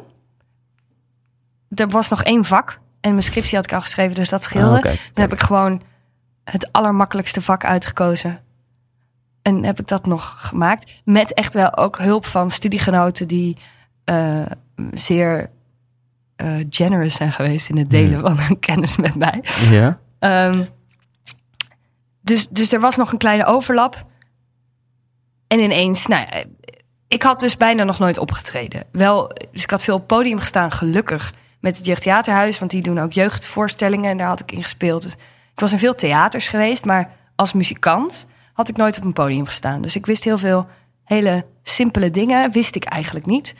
Eh, maar van het programma had ik gewonnen dat ik ehm, een voorprogramma mocht doen van Janne Schra. Dat was heel fijn en heel leuk, omdat ik dat is een leuke groep muzikanten waar ik bij, bij mocht zijn. Mhm. Ehm, en zo kon ik even wat podiumervaring opdoen. Wat ook wel grappig was, want de, tweede de eerste avond was in Venlo en de tweede was de grote zaal Paradiso. Eh, dus, dus ik stond ook ineens in mijn eentje voor een grote zaal van Paradiso. Maar ik denk dat het me ook wel ergens een soort zegen was dat ik eh, niks wist. Want daardoor besefte ik me ook niet. Ik, ik ben gewoon gaan doen wat ik wist dat ik kon. En ik had genoeg liedjes om 20 minuten te spelen. Want ik had in het programma inmiddels wat geschreven. Dus dat was fijn. Mhm. en, en wat bedoel je dat je niks wist? Eh, wat een jack, gewoon hoe versterking van een gitaar werkt. Zo, weet je wel, gewoon hele praktische dingen zoals microfoons en wat een jackkabel is en hoe je dat aansluit. Dat hoefde ik ook niet te weten, maar het is wel, je voelt je wel enigszins onhandig dat je dat allemaal niet. En gewoon hoe het voelt ja. om zo'n groot publiek, wat Paradiso, grote zaal, betekent. Weet je wel, zo, Ja. gewoon de betekenis van dingen. Ehm, en het was heel fijn, want daardoor heb ik het gewoon gedaan. En daarna hebben we dus, nou, dacht ik, oké, ik, ik wil een album maken. Dus heel fijn. Mijn manager vroeg, wat wil je eigenlijk? Want allemaal mensen gingen mij dingen beloven. Ik kan dit voor je doen en dat voor je doen. En hij zei, wat wil je zelf eigenlijk eh, doen? Wil je een plaat maken? Wil je wel muzikant zijn? Voordat we samen gingen werken, zo, wil je wel dit doen?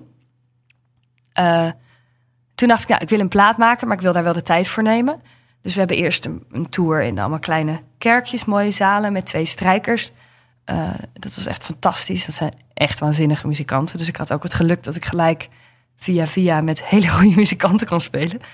En uh, dat was echt te gek. En zij hebben mij ook veel geleerd over gewoon het leven van muzikant zijn en, Ja. en spelen met elkaar. En toonsoort. Ik heb ook niet zoveel theoretische kennis, dus alles gaat op gehoor. Inmiddels heb ik daar ook veel in geleerd. Dus dat is wel zo gaandeweg spelenderwijs geleerd. Ja, ik hoor hier, en dan is het naïef een beetje het negatieve woord, maar ik bedoel het positief. Ik hoor hier een bepaalde puurheid, kindsheid, speelsheid Ja, in van... Blijmoedigheid. Blijmoedigheid. Ja, oh, oh, ja, Paradiso. Ja, dat is eigenlijk mijn derde optreden ooit. Maar ehm, ja, ja, nou en, en gewoon. En eh, eh, lieve mensen om je heen en durven hulp vragen. Want dat is wel. Ik, op een gegeven moment. In het begin had ik heel erg het gevoel dat ik moest doen alsof ik alles wist. En op een gegeven moment heb ik geleerd. Eh, nee, jongens, ik weet dit inderdaad niet. Ik heb dit nog nooit gedaan. Help, hoe moet dit? En, en dat is wel. eh, dat is wel. Als je in zo'n soort situatie terechtkomt, een tip om te doen. Hulp vragen en toegeven dat je eh, niks weet. Of ja, ja. want dat, dat scheelde wel. Maar het was wel gek. En vooral privé ook was het gek dat ik toen ik studeerde. Het was een vrij zelfstudie. Dus ik had op een gegeven moment een jaar maar acht uur per week college of zo. Dat is gewoon niet heel veel. En dan moet je daarnaast zelf studeren. Maar ik had dus ook heel veel tijd om koffie te drinken met mensen. Als in, ik had een heel groot sociaal netwerk Mhm. omdat ik het leuk vond. Eh, en toen voelde ik dat als lui. En nu weet ik, oh, dit is, doe ik nog steeds eigenlijk. Gewoon met mensen afspreken en het over dingen hebben. Dus ik was heel veel met mensen aan het koffie drinken en over het leven aan het praten. En toen had ik ineens een, nou ja, een fulltime eh, eh, baan als muzikant. Waarin, Ja. ik, waarin ik gewoon eigenlijk dat allemaal niet meer kon doen. En dat is. eh, zelf is het dan makkelijker te schakelen dan dat je omgeving dat doet. Als je ineens geen tijd meer hebt, dat was best wel lastig. Ja. En zeker als mensen die je minder goed kent dat dan afschuiven op... oh, ineens is ze bekend en Ja. wil ze ons niet meer zien. Ik was heel bang daarvoor dat mensen dachten... oh, die is arrogant geworden. Want eh, ja, vind je ook echt een type voor. Om arrogant te zijn... Ja. nou, ik ben daar best wel lang bang voor geweest... dat mensen dat ik arrogant zou worden of zo. Ik ben nog steeds wel... Ik heb wel veel mensen om me heen waarmee ik bewust... Ik heb echt afspraken zo dat we erover blijven praten. En dat als mensen Ja. denken... Nu, ben je, nu begin je te veranderen of nu vind ik je niet meer leuk... Mhm. eh, dat ze dat dan eerlijk zeggen. Want ik denk, met succes komt ook altijd dat er steeds meer ja-knikkers zijn die alles fantastisch vinden. ja oké. dus, dus je echte vrienden, tegen hen zeg je van... hé, hey, hou me scherp. Als je het idee hebt dat ik... Ja, als je vindt dat ik niet zo'n leuk persoon meer ben, Ja, dan, dan wil ik dat wel graag horen. Ook al is dat op dat moment waarschijnlijk moeilijk om te zeggen, omdat ik dat dan helemaal niet wil horen. Wil ik het toch graag horen. En dus de ene kant, hè, dat je bent ineens beroemd of bekend of populair of geeft een naampje en dat mensen dan ineens raar vinden dat je niet meer met ze af wil spreken. De andere kant is misschien ook dat ineens iedereen jouw vriend wil zijn. Dat mensen waar je amper mee omging, dat die ineens eh, doen alsof jullie besties waren forever. Had je Ja. dat ook? Ehm, nou, ik ontmoette toen niet zo heel veel nieuwe mensen meer, behalve, eh, behalve andere muzikanten. Die hebben dat niet zo. Mhm. En mijn netwerk was al een beetje, was al mijn netwerk of zo. Ik denk eerder, echt fijn geluk gehad met de mensen om me heen. Iedereen was gewoon heel, eh, hoe zeg je dat? Supportive. Zo grappig dat er soms Engelse woorden Ja. opkomen, terwijl ik niet eens in het Engels schrijf. dat ze je steunde. Ja, eh, ze waren st- steunend. Ja, dat klinkt gek hè? Steunend. nou ja, dit is ook stom. Er is gewoon een Nederlands woord voor. Maar goed, we snappen elkaar. Ja. dat. eh, dus dus ze, ze waren heel lief voor mij daarin. En ook niet. Nou, ik had niet het idee dat ze ineens het extra cool vonden. Wat daarbij scheelde is en weer Nederlands, lekker nuchter, doe maar normaal. Dan doe je al gek genoeg. Mhm. En Amsterdam, wat dat nog een beetje meer heeft. Ja. En ik, en ik studeerde media, waarin al wel meer mensen af en toe eens iets met tv deden. Of het, het was. Ja. Dus dat scheelde wel. En mijn familie is gewoon mijn familie. Dus die kennen mij, die waren vooral heel blij en trots. En, Ja. Dus ik heb, dat is echt wel ook fijn. Ik heb een vrij veilige basis. Waarin dit dus ook makkelijk kon. Dus Ja. ik heb wel het geluk gehad dat ik ook de ruimte had om zo'n grote verandering te ondergaan. Omdat ik verder een vrij steady basis had. of zo. En hoe zijn je fans nu? Je gaat straks een, een tour doen. Ik, ik kijk even snel op je site. Ik zie een stuk of 25 datums eh, staan. Ja, ja een deel. Dat? Dat, komt omdat ik eigenlijk steeds in een club speel en in een theater. Ja. En nu ga ik eerst een clubtour doen met de hele band. En dan die theatertours met verhalen erbij. En, eh, Ah, wat tof. Dus dat Ja. is echt... eh, Ja, het zijn echt twee verschillende dingen. Zelfde liedjes, maar die clubtour is dus met die fantastische muzikanten. En dan ga je ongetwijfeld in theater verhalen vertellen van jouw reis. Ja, klopt. Ja, Ah, wat cool. Ja. Wat cool. Ik ga sowieso ja naar een van jouw shows. Heel tof. En hoe, hoe zijn jouw fans? Zijn ze eh, soms hysterisch als ze jou, jou dan na de show even ontmoeten? Of, eh, Ehm, nee, ik heb, ik heb vrij rustige fans. Wel heel, dat is heel leuk. Wel heel, mensen zijn heel toegewijd of zo. En, en omdat ze die teksten zo luisteren, eh, denken ze soms ook wel echt dat we elkaar heel goed kennen Ja. natuurlijk. Dus dat is soms ook gek. Dan, dan denk ik, oh ja, eh, jullie kennen mij veel beter. Of denken ook dat ze me kennen vanwege die teksten. Terwijl niet al die teksten gaan natuurlijk over mij. mhm. Ehm, maar mensen delen heel veel met me. Dus mensen komen heel erg eigen verhalen vertellen en zeggen. En zijn heel dankbaar. En dat is natuurlijk wel. Ik word relatief weinig uitgescholden. Weinig haters? Eh, ja, relatief weinig haters, Ah, denk ik. Dat is top. En dat is, en dat is gewoon wat mensen zijn me dankbaar dat ik, dat ik iets heb gemaakt. En dat is best wel, dat is soms ook wordt dat te groot. Omdat ik ook wel dacht, zeker in het begin zo, ik ben 21. Mensen komen mij bedanken voor al die wijsheden. Dat ik dacht, nou, ik ben helemaal, ik weet, ik weet niks, help. Eh, het voelt heel gek als heel veel mensen bij jou komen als hun steun. Ja, Dat, dat voelde op een gegeven moment te groot. Dat ik dacht, ik kan jullie denk ik niet geven wat je ja. van mij wil. Ja. Daar ben ik gewoon maar, een te, gewoon maar één mens voor. Dat heb ik nog steeds wel eens. Alleen kan ik voor mezelf iets beter eh, dat punt bewaken, of mijn eigen Ja, grens daarin bewaken of zo. En kan ik het dus iets meer weer terugzien als wat mooi dat mensen dat met mij kunnen delen. Ja. Ja, ook dit weer klinkt super wijs en verstandig. Want anders, je bent op na een tijdje. Je kan Ja, niet... Je nee. bereikt fucking veel mensen met je shows, met YouTube, met Spotify. Maar Ja. als je één op één... ja. Mensen bedoelen het goed, maar ze komen toch wat halen, vaak. ja. En, En- dat, en daar heb je gewoon te weinig ik voor. Ja, En het lastige, en dat vind ik nog steeds, daar, dat vind ik nog steeds echt heel moeilijk eraan. Hoe balanceer je daarin? Want, want ik wil niemand. ja. eh, het is soms moeilijk om uit te leggen aan mensen van het is niet persoonlijk. Ik moet nu weg, want ik, kan, ik trek dit niet meer. ja. Ehm,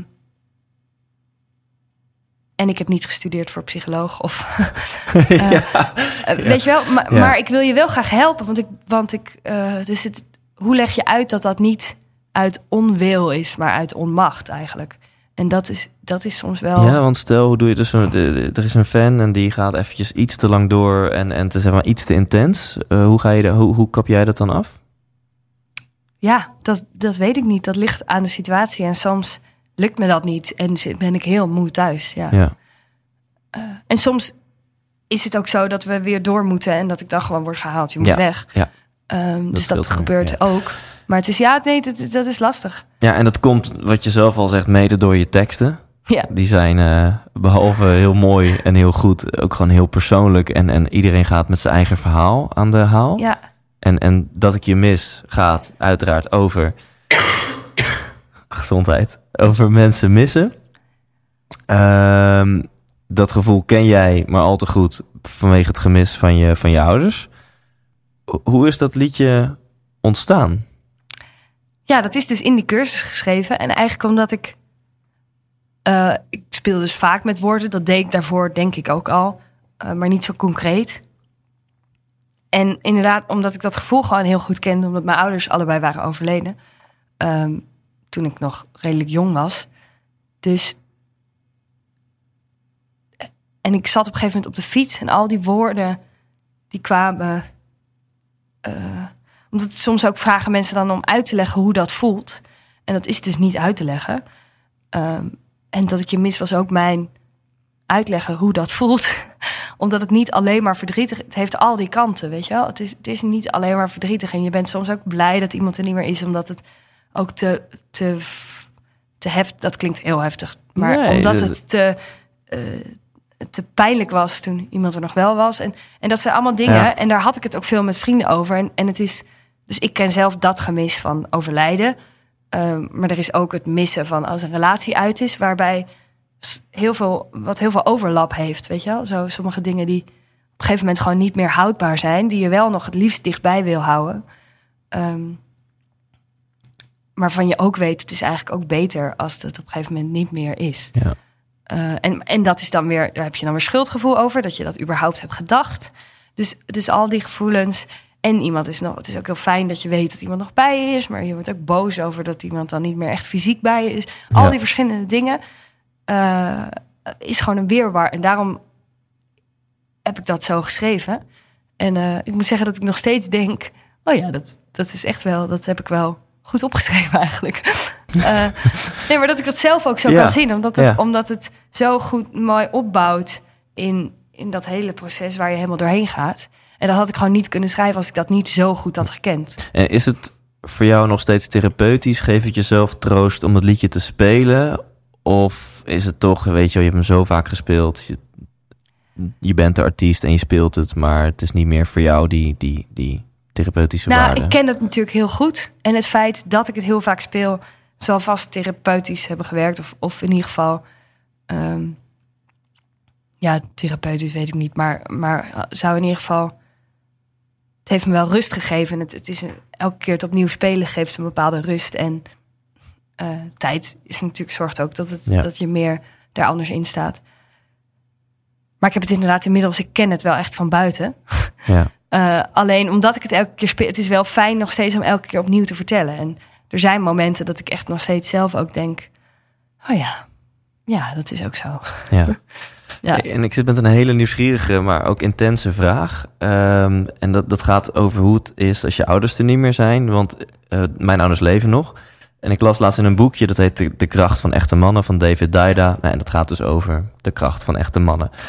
Hij is heel duidelijk en directief met zijn tips. Het zijn bij, bijna geen tips, het is gewoon, nou, zo, Zo is moet het. je leven. Ja, en één hoofdstukje is getiteld Leef alsof je vader er niet meer is. Of Leef alsof je vader dood is. En dat is een hoofdstuk van twee alinea's. En daarin zegt hij van... hé, hey, zolang jij nog soort van energetisch gezien... iemand boven jou hebt staan... dan ben je toch een stuk afhankelijker, bla bla. Dus je bent gewoon een krachtigere man. Oh ja. Als, alsof, als je gaat leven alsof je vader er niet meer is. Dat maakt mij nieuwsgierig naar jou. En misschien is het een moeilijke vraag, eh, maar ik ga hem stellen. Van, dus op, op energetisch gebied, zeker op jonge leeftijd, is het gek als dan boven jou niks meer is. Dus Ja. als jij top of the tribe ja, bent. nou, ik vind het wel eh, de, eh, twee dingen. Want ik vind die quote interessant, omdat ik misschien ergens snap ehm, waar het vandaan komt. En tegelijkertijd denk ik. Maar goed, ik ben geen expert op het gebied van het hebben van ouders. Dus, eh, maar ik denk dat, je, je- dat het ook niet helemaal klopt, omdat je, of ze er nou zijn of niet fysiek, je verhoudt je tot je ouders. En hoe afhankelijk of niet afhankelijk je je eh, daarvan opstelt, is denk ik je eigen proces. Waarin, eh, waarin ik denk dat het ook niet helemaal zo is dat als ze er niet meer zijn, dat je minder afhankelijk bent. Ja. Eh, dus ik snap wel misschien wat hij bedoelt met het, met het je eigen kracht zoeken en je niet en inderdaad niet leven. Zo. Kijk, je verhoudt je natuurlijk on, sowieso tot je ouders. Want je komt uit ze voort, ze hebben je opgevoed. En eh, je zoekt altijd naar herkenning. Dus, dus je, ofwel je doet de dingen zoals zij het ook doen, ofwel je zet je er tegen af omdat je denkt: ik ga het eens even helemaal anders doen. Zo wil ik niet zijn of zo wil ik niet leven. Ja. Of juist zo wil ik zijn, zo wil ik leven. Dat doen jouw ouders weer met hun ouders. Dat is een soort. Daar ko- ontkom je niet aan. Want ook als ze er niet zijn, of je hebt een verschrikkelijke jeugd gehad, dan denk je: ik ga het echt niet zo doen. Ehm, en als je ze niet hebt gekend, ben je denk ik op zoek, maar waar kom ik dan vandaan? Dus je hebt sowieso. En voor mij was het wel lastig op een gegeven moment, omdat ik dus niet die dagelijkse referentie had. Eh, Maar waar kom ik dan vandaan en waar, eh, hoe waren zij dan? Of hoe zijn ze dan? Of wat hadden ze hiervan gevonden? Of, dat was best wel lastig. En omdat ik dus ook nog eens een keer 16 was, eh, toen ze er allebei niet meer waren. Dat is gewoon nog jong. En dan ben je ook nog enigszins in een opvoedbare fase. Absoluut. Uh, dus. Maar ja, goed, ik, ik ben toen bij een vriendin gaan wonen en mijn oom en tante hebben mij ook nog opgevoed. Dus, dus vanzelf. En mijn oom en tante kenden mijn ouders zo door en door. Die waren zo verbonden met elkaar dat ik nog redelijk lijntjes naar mijn ouders had. Dus, dus ik, ik was niet zeg maar mijn hele eikpunt kwijt. En dat is wel, dat scheelt natuurlijk ook heel erg. Dus, maar het maakt je wel, het maakt je onafhankelijker.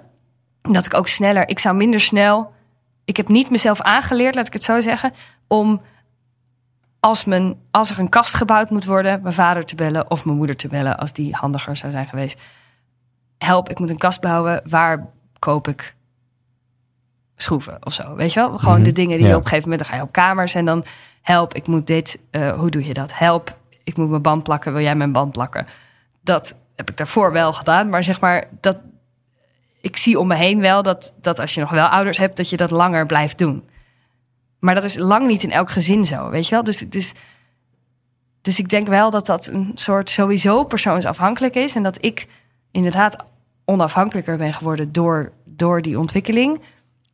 Maar dat dat ook karakter is en waar je dan daarna weer in terecht komt. Ehm, ja. En, en jouw karakter is blijkbaar sterk genoeg dat je er sterk uit bent gekomen. Ja, ja. En ik denk dat dat, dat, en dat zie ik bij mijn broer en zus ook. En ik denk dat dat deels komt. Ik zag namelijk ergens een keer dat,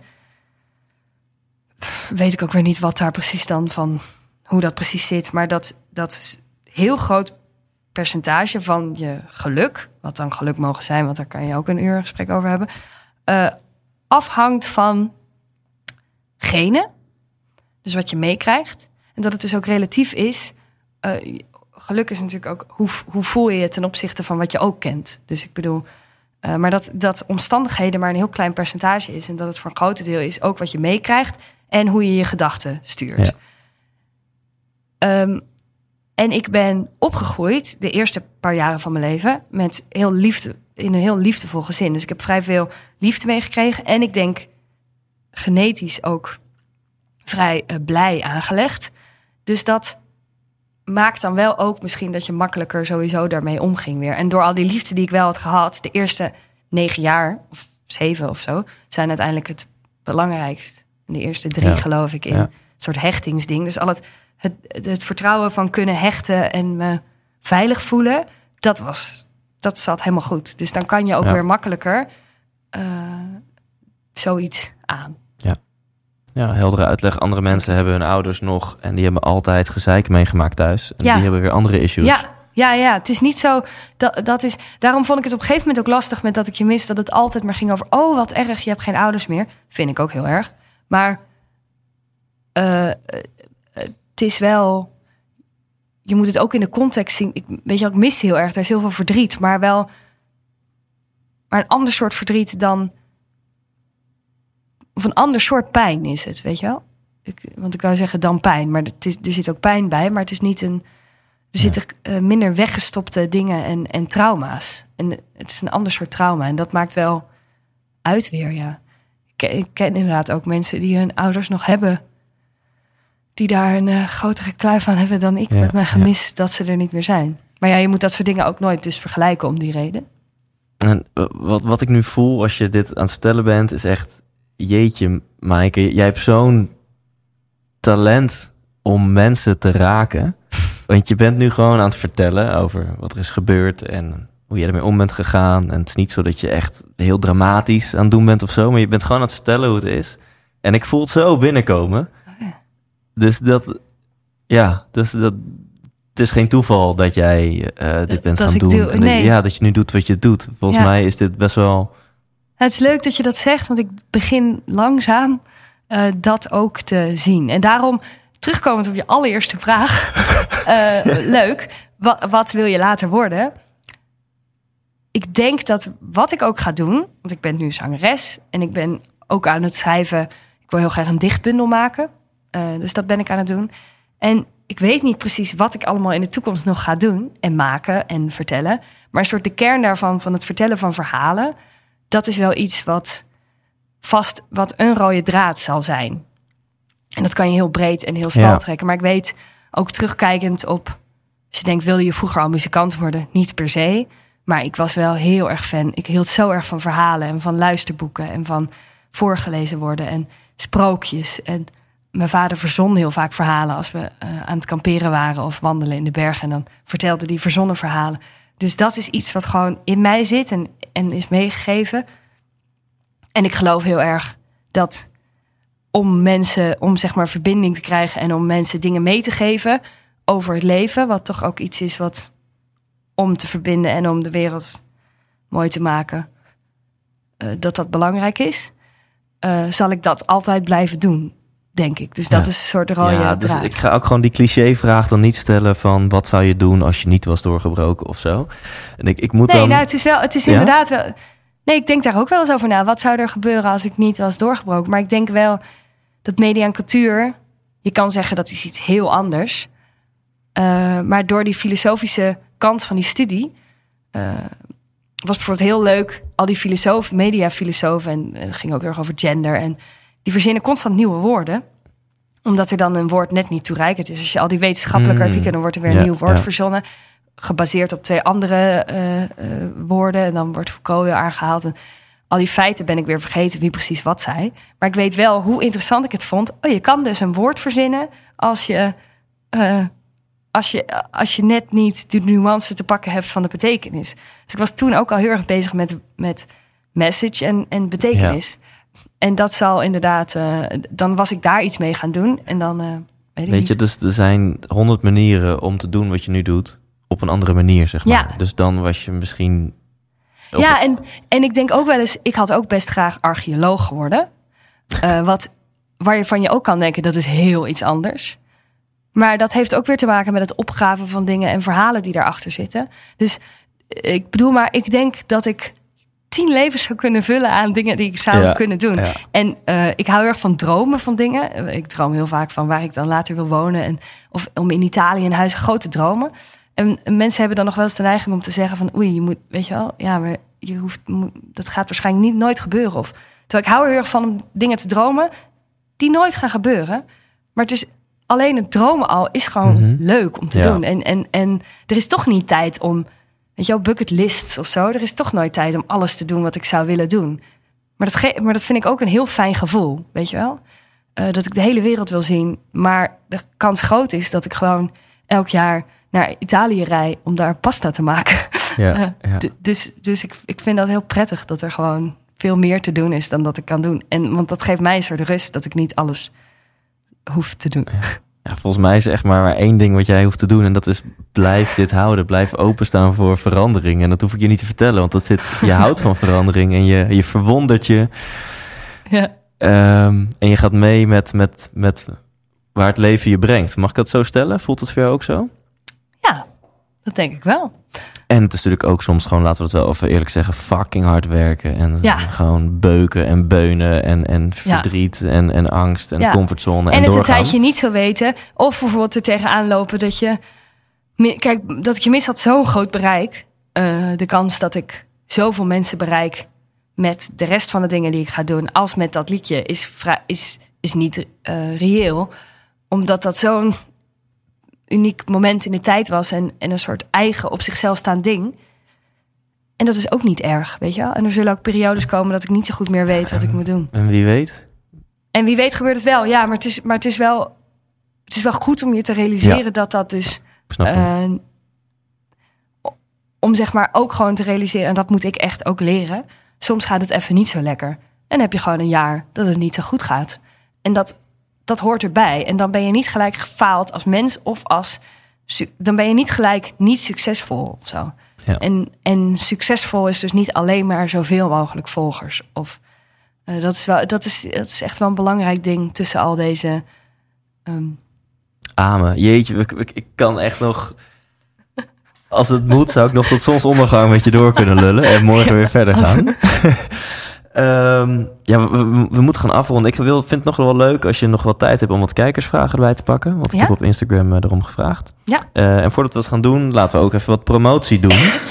Eh, want jouw tour eh, moet gewoon helemaal uitverkocht zijn. Ja. Toch? Utrecht is al uitverkocht. Ik Dus zie het. woont, Tivoli Moet Vredenburg. je even naar Den Ja? Haag of Rotterdam gaan. Of Groningen. Je Eh, maar, kan ook. Maar ik denk... Ja, Ja. Of als je... we spelen Ja. in Rotown inderdaad. Het is allemaal in november. En in eh, Het Paard. En in Eindhoven nog, in de Effenaar. Ja, want je start woensdag 21 november Ja. in Rotterdam. En dan je de volgende dag dus in eh, Paard. Ja. De dag daarna sta je in een uitverkocht Tivoli Vredenburg. Nou, en zo gaat het door van Leuven. Gewoon, eh gewoon internationale tour. Ja, ik speel, ik speel vaak in België. Ja. Ja. Antwerpen, Eindhoven, Groningen, Zoetermeer, Middelburg, Naaldwijk, Zwolle, Barneveld, Apeldoorn, Alkmaar, Haarlem, Hengelo, Nijmegen, Amsterdam, Alphen aan de Rijn, Doetinchem en Roermond. Yes! Ja, Daar moet wat tussen zitten, toch? ja zeker. Echt leuk. Fucking vette tour. Nou, en, en, en kunnen mensen gewoon op, op tickets kopen? Ja. Of moeten ze dan naar de desbetreffende... Het kan allebei. Je kan, ah, bij de theaters kan je gewoon in de theaterclubs ook Oh ja, bij de club. Maar je kan ah, op maaikeauwater.nl staan gewoon alle, ja. eh, alle shows op een rijtje. Dus dan eh, Oh, en ik, ja, ik zit echt super En dom te doen, maar er staat gewoon tickets en dan ja, klik je op tickets. en dan klik je op tickets, vind je tickets. Ja, oké. ehm, Ja. Wees erbij, mensen. Eh, dan pak ik nu even mijn Instagram erbij. Mensen, mensen gingen helemaal los met, eh met vragen stellen. Spannend. Dus, dus even kijken. Oh, nou, dit is iemand die vindt dat wij heel goed bij elkaar passen. Daar ben ik het gewoon helemaal mee eens. Ehm, Ik zal mijn vriend even vragen wat hij ervan Ja. vindt. die, die denkt er mogelijk anders over. Die denkt er mogelijk anders over. Eh, pum. oh, nou, iemand die vindt het grappig dat ik heb gesport. Dit, dit is super goed voorbereid, hè? Nou, ik, Ah. ik, de, de spanning is een goede spanning op. Ik zal, En we hebben een vraag van Marije. En zij zegt: Ik ben gek op het nummer dat ik je mis en raakt me elke keer weer. Het nummer is geïnspireerd op de dood van je ouders. Heb je nu ook het gevoel dat dit nummer je sterker heeft gemaakt? En wat doet het met je als je het zelf hoort? ah, maar zelf horen doe ik alleen als ik het zelf zing. Eh, hoewel er wel eens mensen zijn, eh, of heel veel mensen zijn die dat liedje coveren. En dat vind ik wel echt eh, heel bijzonder. Dat zoveel verschillende mensen hun eigen interpretatie eraan geven. Dat vind ik wel leuk om af en toe te kijken. En eh, dat zijn ook veel jonge mensen. En dat vind ik mooi dat dat. ik zie hier namelijk ook wel eens kinderen, echt kinderen het zingen. En sommige mensen zijn ervan overtuigd dat je kinderen niet te veel met moeilijke emoties moet opzadelen. Terwijl dat, dat vind ik echt heel erg niet waar. Omdat Mhm. veel kinderen gewoon die emoties ook al voelen. En die hebben ook het recht om daar, dat daar recht aan Ja. wordt gedaan. Dus dat, dus dat vind ik heel mooi en daar word ik blij van. En nou, we hebben het er net natuurlijk al even over gehad. Je wordt er in elk geval heel blij van als je het liedje hoort. Maar dan zijn het altijd koffers, want zelf hoor je hem niet. Nee. Nee. Maar vind ik het wel fijn om te spelen. Ik speel het graag. Cool. Het is niet dat je... Ik denk niet, goh, weer dat lied. Nee, shit, ik vind, nee, ik weer die hit horen. Nee, dat, dat zeg ik oprecht. Ik vind het echt, ja. En eh, Marjolein, haar Instagram is Lievelijn, eh, die zegt, of die vraagt... hoe heeft Maaike het, het ervaren om haar podcast te maken? Tussen haakjes, ik werd er heel erg blij van. Zoveel liefde met een hartje. Ah, ja, dat vind, ik vind dat echt heel leuk om te doen. Omdat eh, ja, ook weer dat verhalen vertellen. Het is leuk om met mensen te praten over wie inspireert jou. Het zijn gewoon kleine, eh, kleine liefdesverhalen. Alleen gaat het niet alleen over liefde, maar ook eh, juist over vriendschap. En, en, eh, maar het zijn allemaal hele liefdevolle dingen. En het brengt mij ook weer bij nieuwe mensen waar ik dan weer nieuwe ideeën mee verzin. Dus het, dus het is ook eh, voor mijzelf gewoon een goede inspiratie. En die podcast heet Over Jou? Over jou, ja. En die staat gewoon ook in de iTunes. ja, eh, die nou, staat, is overal te vinden. nou, ja. Het scheelt het als mensen dit horen... dat ze het medium podcast weten te vinden. Weten te vinden, ja. Dus dan gaan ze Ja, je en ook ook in vinden. Spotify eventueel. Dus overal, overal waar je hem nu luistert, is ook eh, over jou te vinden. En ik ben fucking jaloers dat jij Jochem Meijer hebt in je podcast. ja. Fuck, dat wil ik ook. Ehm, tof, tof. Nou, die ga ik, ik ga gewoon je podcast checken. En we gaan naar een volgende vraag. Deze is van Jelle Derks. Eh, ik heb met hem een interview eh, opgenomen Oh ja. een paar weken geleden. Hij is van minimalisme, dus minder spullen, meer duurzaamheid, maar ook meer focus en dat soort dingen. En hij zegt, eh, wanneer is muzikant zijn moeilijk en wanneer de bomba? Ah, leuk. Hij weet meer dan ik, begrijp ik. Huh? Nee. De bomba is... Oh, eh, nee, ik denk gewoon dat hij eh, helemaal te gek bedoelt, toch? Wanneer is het moeilijk en wanneer is het de boom? Oh, dit is. ik woon nog niet lang genoeg in Amsterdam. Dit is gewoon hip. Waarin ik, ik denk, is de bomba een soort van dans die jij Ja, doet? zo interpreteer Nee. ik het, weet ik niet. Oké, ja. nee, wanneer is het moeilijk Ehm, en wanneer is het helemaal de bomba om muzikant te zijn? Het is moeilijk als, eh, als je ehm, in je hoofd hebt... ik wil nu iets heel moois maken en het lukt niet. Dat kan frustrerend zijn. Het is moeilijk als je de hele dag thuis zit... en, het en constant twijfelt... ben ik nou aan het werk of ben ik niet aan het werk? Mhm. Eh, het, is, eh, het is namelijk echt moeilijk om je niet zorgen te maken. Zo, wanneer ben je vrij en geef je jezelf echt even vrij... en wanneer ben je toch aan het schrijven en aan het spelen? En, ehm, en het is helemaal de bom op alle momenten dat je aan het spelen bent... en dat, dat het lukt en dat je gewoon mooie dingen kan maken... en niet bezig hoeft te zijn met succes of eh, uiterlijkheden. Ja, want, want straks krijg je allemaal hele irritante tegenstellingen. Ik, als ik er nu alvast eentje mag noemen, kan je Ja. alvast warm draaien. Als je moet kiezen tussen, tussen schrijven of spelen. Dus je mag of nooit meer liedjes schrijven... of je mag ze nooit meer live gaan uitvoeren. Nooit meer live uitvoeren met pijn in mijn hart. Maar schrijven, dat, dat, eh, ja, dat moet ik blijven doen. Ehm, Ik moet, ja, we gaan afronden. nou, ik moet heel erg naar de wc. Oh. Ik ga hem even op pauze zetten. Ja, kan dat? En we're back. Nog een laatste vraag. Die is van, eh, van Karin eh Leijten. Eh, ja, Karin Leijten. En zij zegt, wat heeft haar het meeste geraakt in haar eigen liedjes? Oeh, nou ja, dat is wat het, wat het meeste raakt in mijn eigen liedjes. Ja, dus eigenlijk dan, waar ik dan dus ook het meest trots op ben. Of ja, Ja, de, de vraag is vrij voor interpretatie. want ik zit te denken, kijk, dat is natuurlijk omdat als ik de liedjes schrijf, dan ben ik zo erg vanuit het vertellen bezig. Dat, dus dat raakt me dan niet per se. Mhm. En omdat ik het nooit hoor, weet je wel. Als, eh, hoewel de nieuwe plaat heb ik wel, toen ik dat helemaal doorluisterde, zijn er wel dingen die me echt raakten. En ook moeilijk waren om te zingen. En er, is, er staat één liedje op, dat heet Proost. Is minder vrolijk dan de titel suggereert. Mhm. Eh, want dat gaat eigenlijk over drinken. En eh, dat vind ik gewoon heel schrijnend. Over zeg maar te veel drinken. Dus eh, alcoholisme eigenlijk. En dat, dat vind ik eigenlijk een heel schrijnend lied geworden. Waarvan ik denk, oeh. En toen ik moest zingen, vond ik dat ook heel. Want heb je daar in jouw persoonlijke leven mee te maken nee, dat niet. Maar ik heb dus wel, als ik veel het emoties overnemen van anderen. En als ik dat zie, word ik dus heel. eh, dan breekt mijn hart gewoon. Eh, en op reis wel met mensen over gehad. En dus dat, die dat wel persoonlijk Ja. kennen. Eh, ja, ik weet niet, het, het breekt mijn hart. En, en daar heb ik de, die, die eerste zin is... schenk iets in, schenk iets sterks in... nog veel sterker dan ik. Ehm, en dat is en een zin die ik zelf mooi vind. Eh, En ook die omdat dat ook zo... raakt. Ja, en die me, en die me raakt. Ja. En er is nog een zin in dat liedje Samon, omdat Samon mij heel erg raakte. Eh, en daar heb ik ook nog wel eens moeite mee om dat te zingen, omdat er zit een zin in. En dan lach je, omdat dat jouw manier van huilen is. Dus lach ik met je mee. Wauw. En dat, eh, daar had ik laatst moeite om dat te zingen, omdat ik ineens, he- omdat ik zo dat voor me zie. En dat doe je gewoon soms. Als sommige mensen lachen omdat, omdat het huilen te Mhm. confronterend is. Toen dacht ik, en, en die zin vind ik dus mooi. En, eh, en dat raakt me wel eens nog. Ja. Ja. Wat, wat ben jij een tovenares met woorden, zeg. Heerlijk. Dan gewoon nog even een leuk berichtje van Sarayda Groenhart. Ik weet niet of je haar kent. En eh Sarayda zegt, wow, ik ben mega fan van Maaike. Cool. Maar Sarayda, je moet nog even aan je positionering werken, want Maaike kent je niet. Toch? Nee, maakt niet uit. Je kijkt nu heel, heel alsof het iets heel ergs is. Nou, dit is nu precies weer zo'n situatie waarin ik waarschijnlijk straks eh, een foto zie en denk, oh, Laat ik je zo'n foto zien. Ja. Ja. Maar waarschijnlijk dan, ken ik haar eh, namelijk wel. Sorry. Oh, dit is echt Ehm, gênant. Nee, dit is het. We sturen straks een berichtje naar Sarayda samen en dan is het Ja, helemaal goed. En dan is het goed. Ja, Sorry. zing maar een liedje voor haar. Ongemakkelijk. Dankjewel. Dankjewel, Sarayda, super lief. Oké, ehm, ik ga je onder spot zetten. Mag dat? Ja. En eh, daarna laat ik je vrij om eh, hele leuke dingen te gaan doen met je schoonfamilie. Ja. Oké, ready? Ja.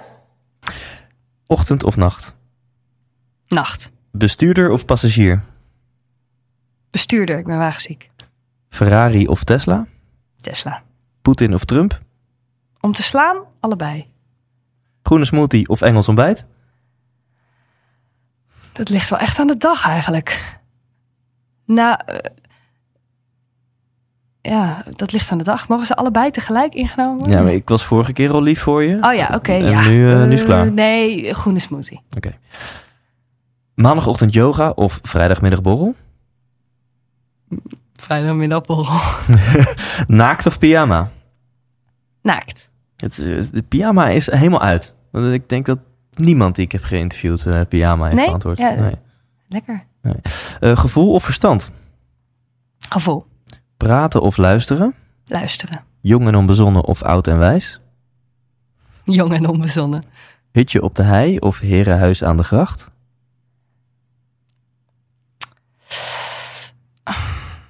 Ja, al, allebei, maar dat kan niet. Om in te wonen?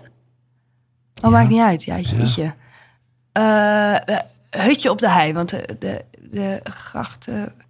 En als je echt rich and famous bent, heb je natuurlijk gewoon je, je main huis. Is dan ergens in de natuur. En dan heb je altijd gewoon je bonushuis ergens in, aan nee, de dat zou ik wel willen. Ja, maar ik vind dus ergens vind ik eh, het jammer dat alles steeds duurder wordt en dus minder bewoonbaar. Zeg maar los van of je het kan betalen, weet ik niet of ik Mhm. wel dat wil dat dat zo is. Want Ja. daardoor eh, wordt de stad een beetje leeg met mensen die er zouden moeten wonen. Ik zeg Ja. dit heel aardig, maar dat is omdat ik denk, oh, moet ik me hier wel een wagen? Nee, maar dat vind ik echt. Ja. Het is jammer als zeg maar mensen die niet zo heel veel verdienen, niet meer in de stad kunnen wonen, omdat het opgekocht is door mensen met heel veel geld. Dat eigenlijk, Dus ik wil daar niet aan meedoen als Ja. ik ooit wel heel veel geld heb. precies, dat eigenlijk echt alleen maar de rich and famous eh, in de grachtengordel wonen. eh, En die er vervolgens Ja, een paar weken per jaar zijn. Ja, ik vind dat gewoon. Ik vind daar, daar gaat ergens iets mis. In Stockholm kan je. Ik weet niet precies hoe dit zit, dus misschien zeg ik allemaal foute informatie. Maar het is zo in Zweden dat je maar maximaal zoveel huizen mag bezitten in de stad. Oh, Dat is toppie, want daardoor is er veel meer ja. ruimte voor verschillende soorten mensen om Er in de zijn stad heel veel te wonen. dingen daar in Scandinavië. mooier. Ja. Ja. Scandinavië is toppie. Ja, sorry, ik praat er dwars door je heen. Maar Nee, we gaan hebt, je verder. hebt gelijk. Ja. Eh, we, komen, we zijn bij het muziekgedeelte aanbeland. Justin Timberlake of Justin Bieber? Justin Timberlake. Klassieke muziek of death metal? Klassieke muziek. Nooit meer seks of nooit meer muziek?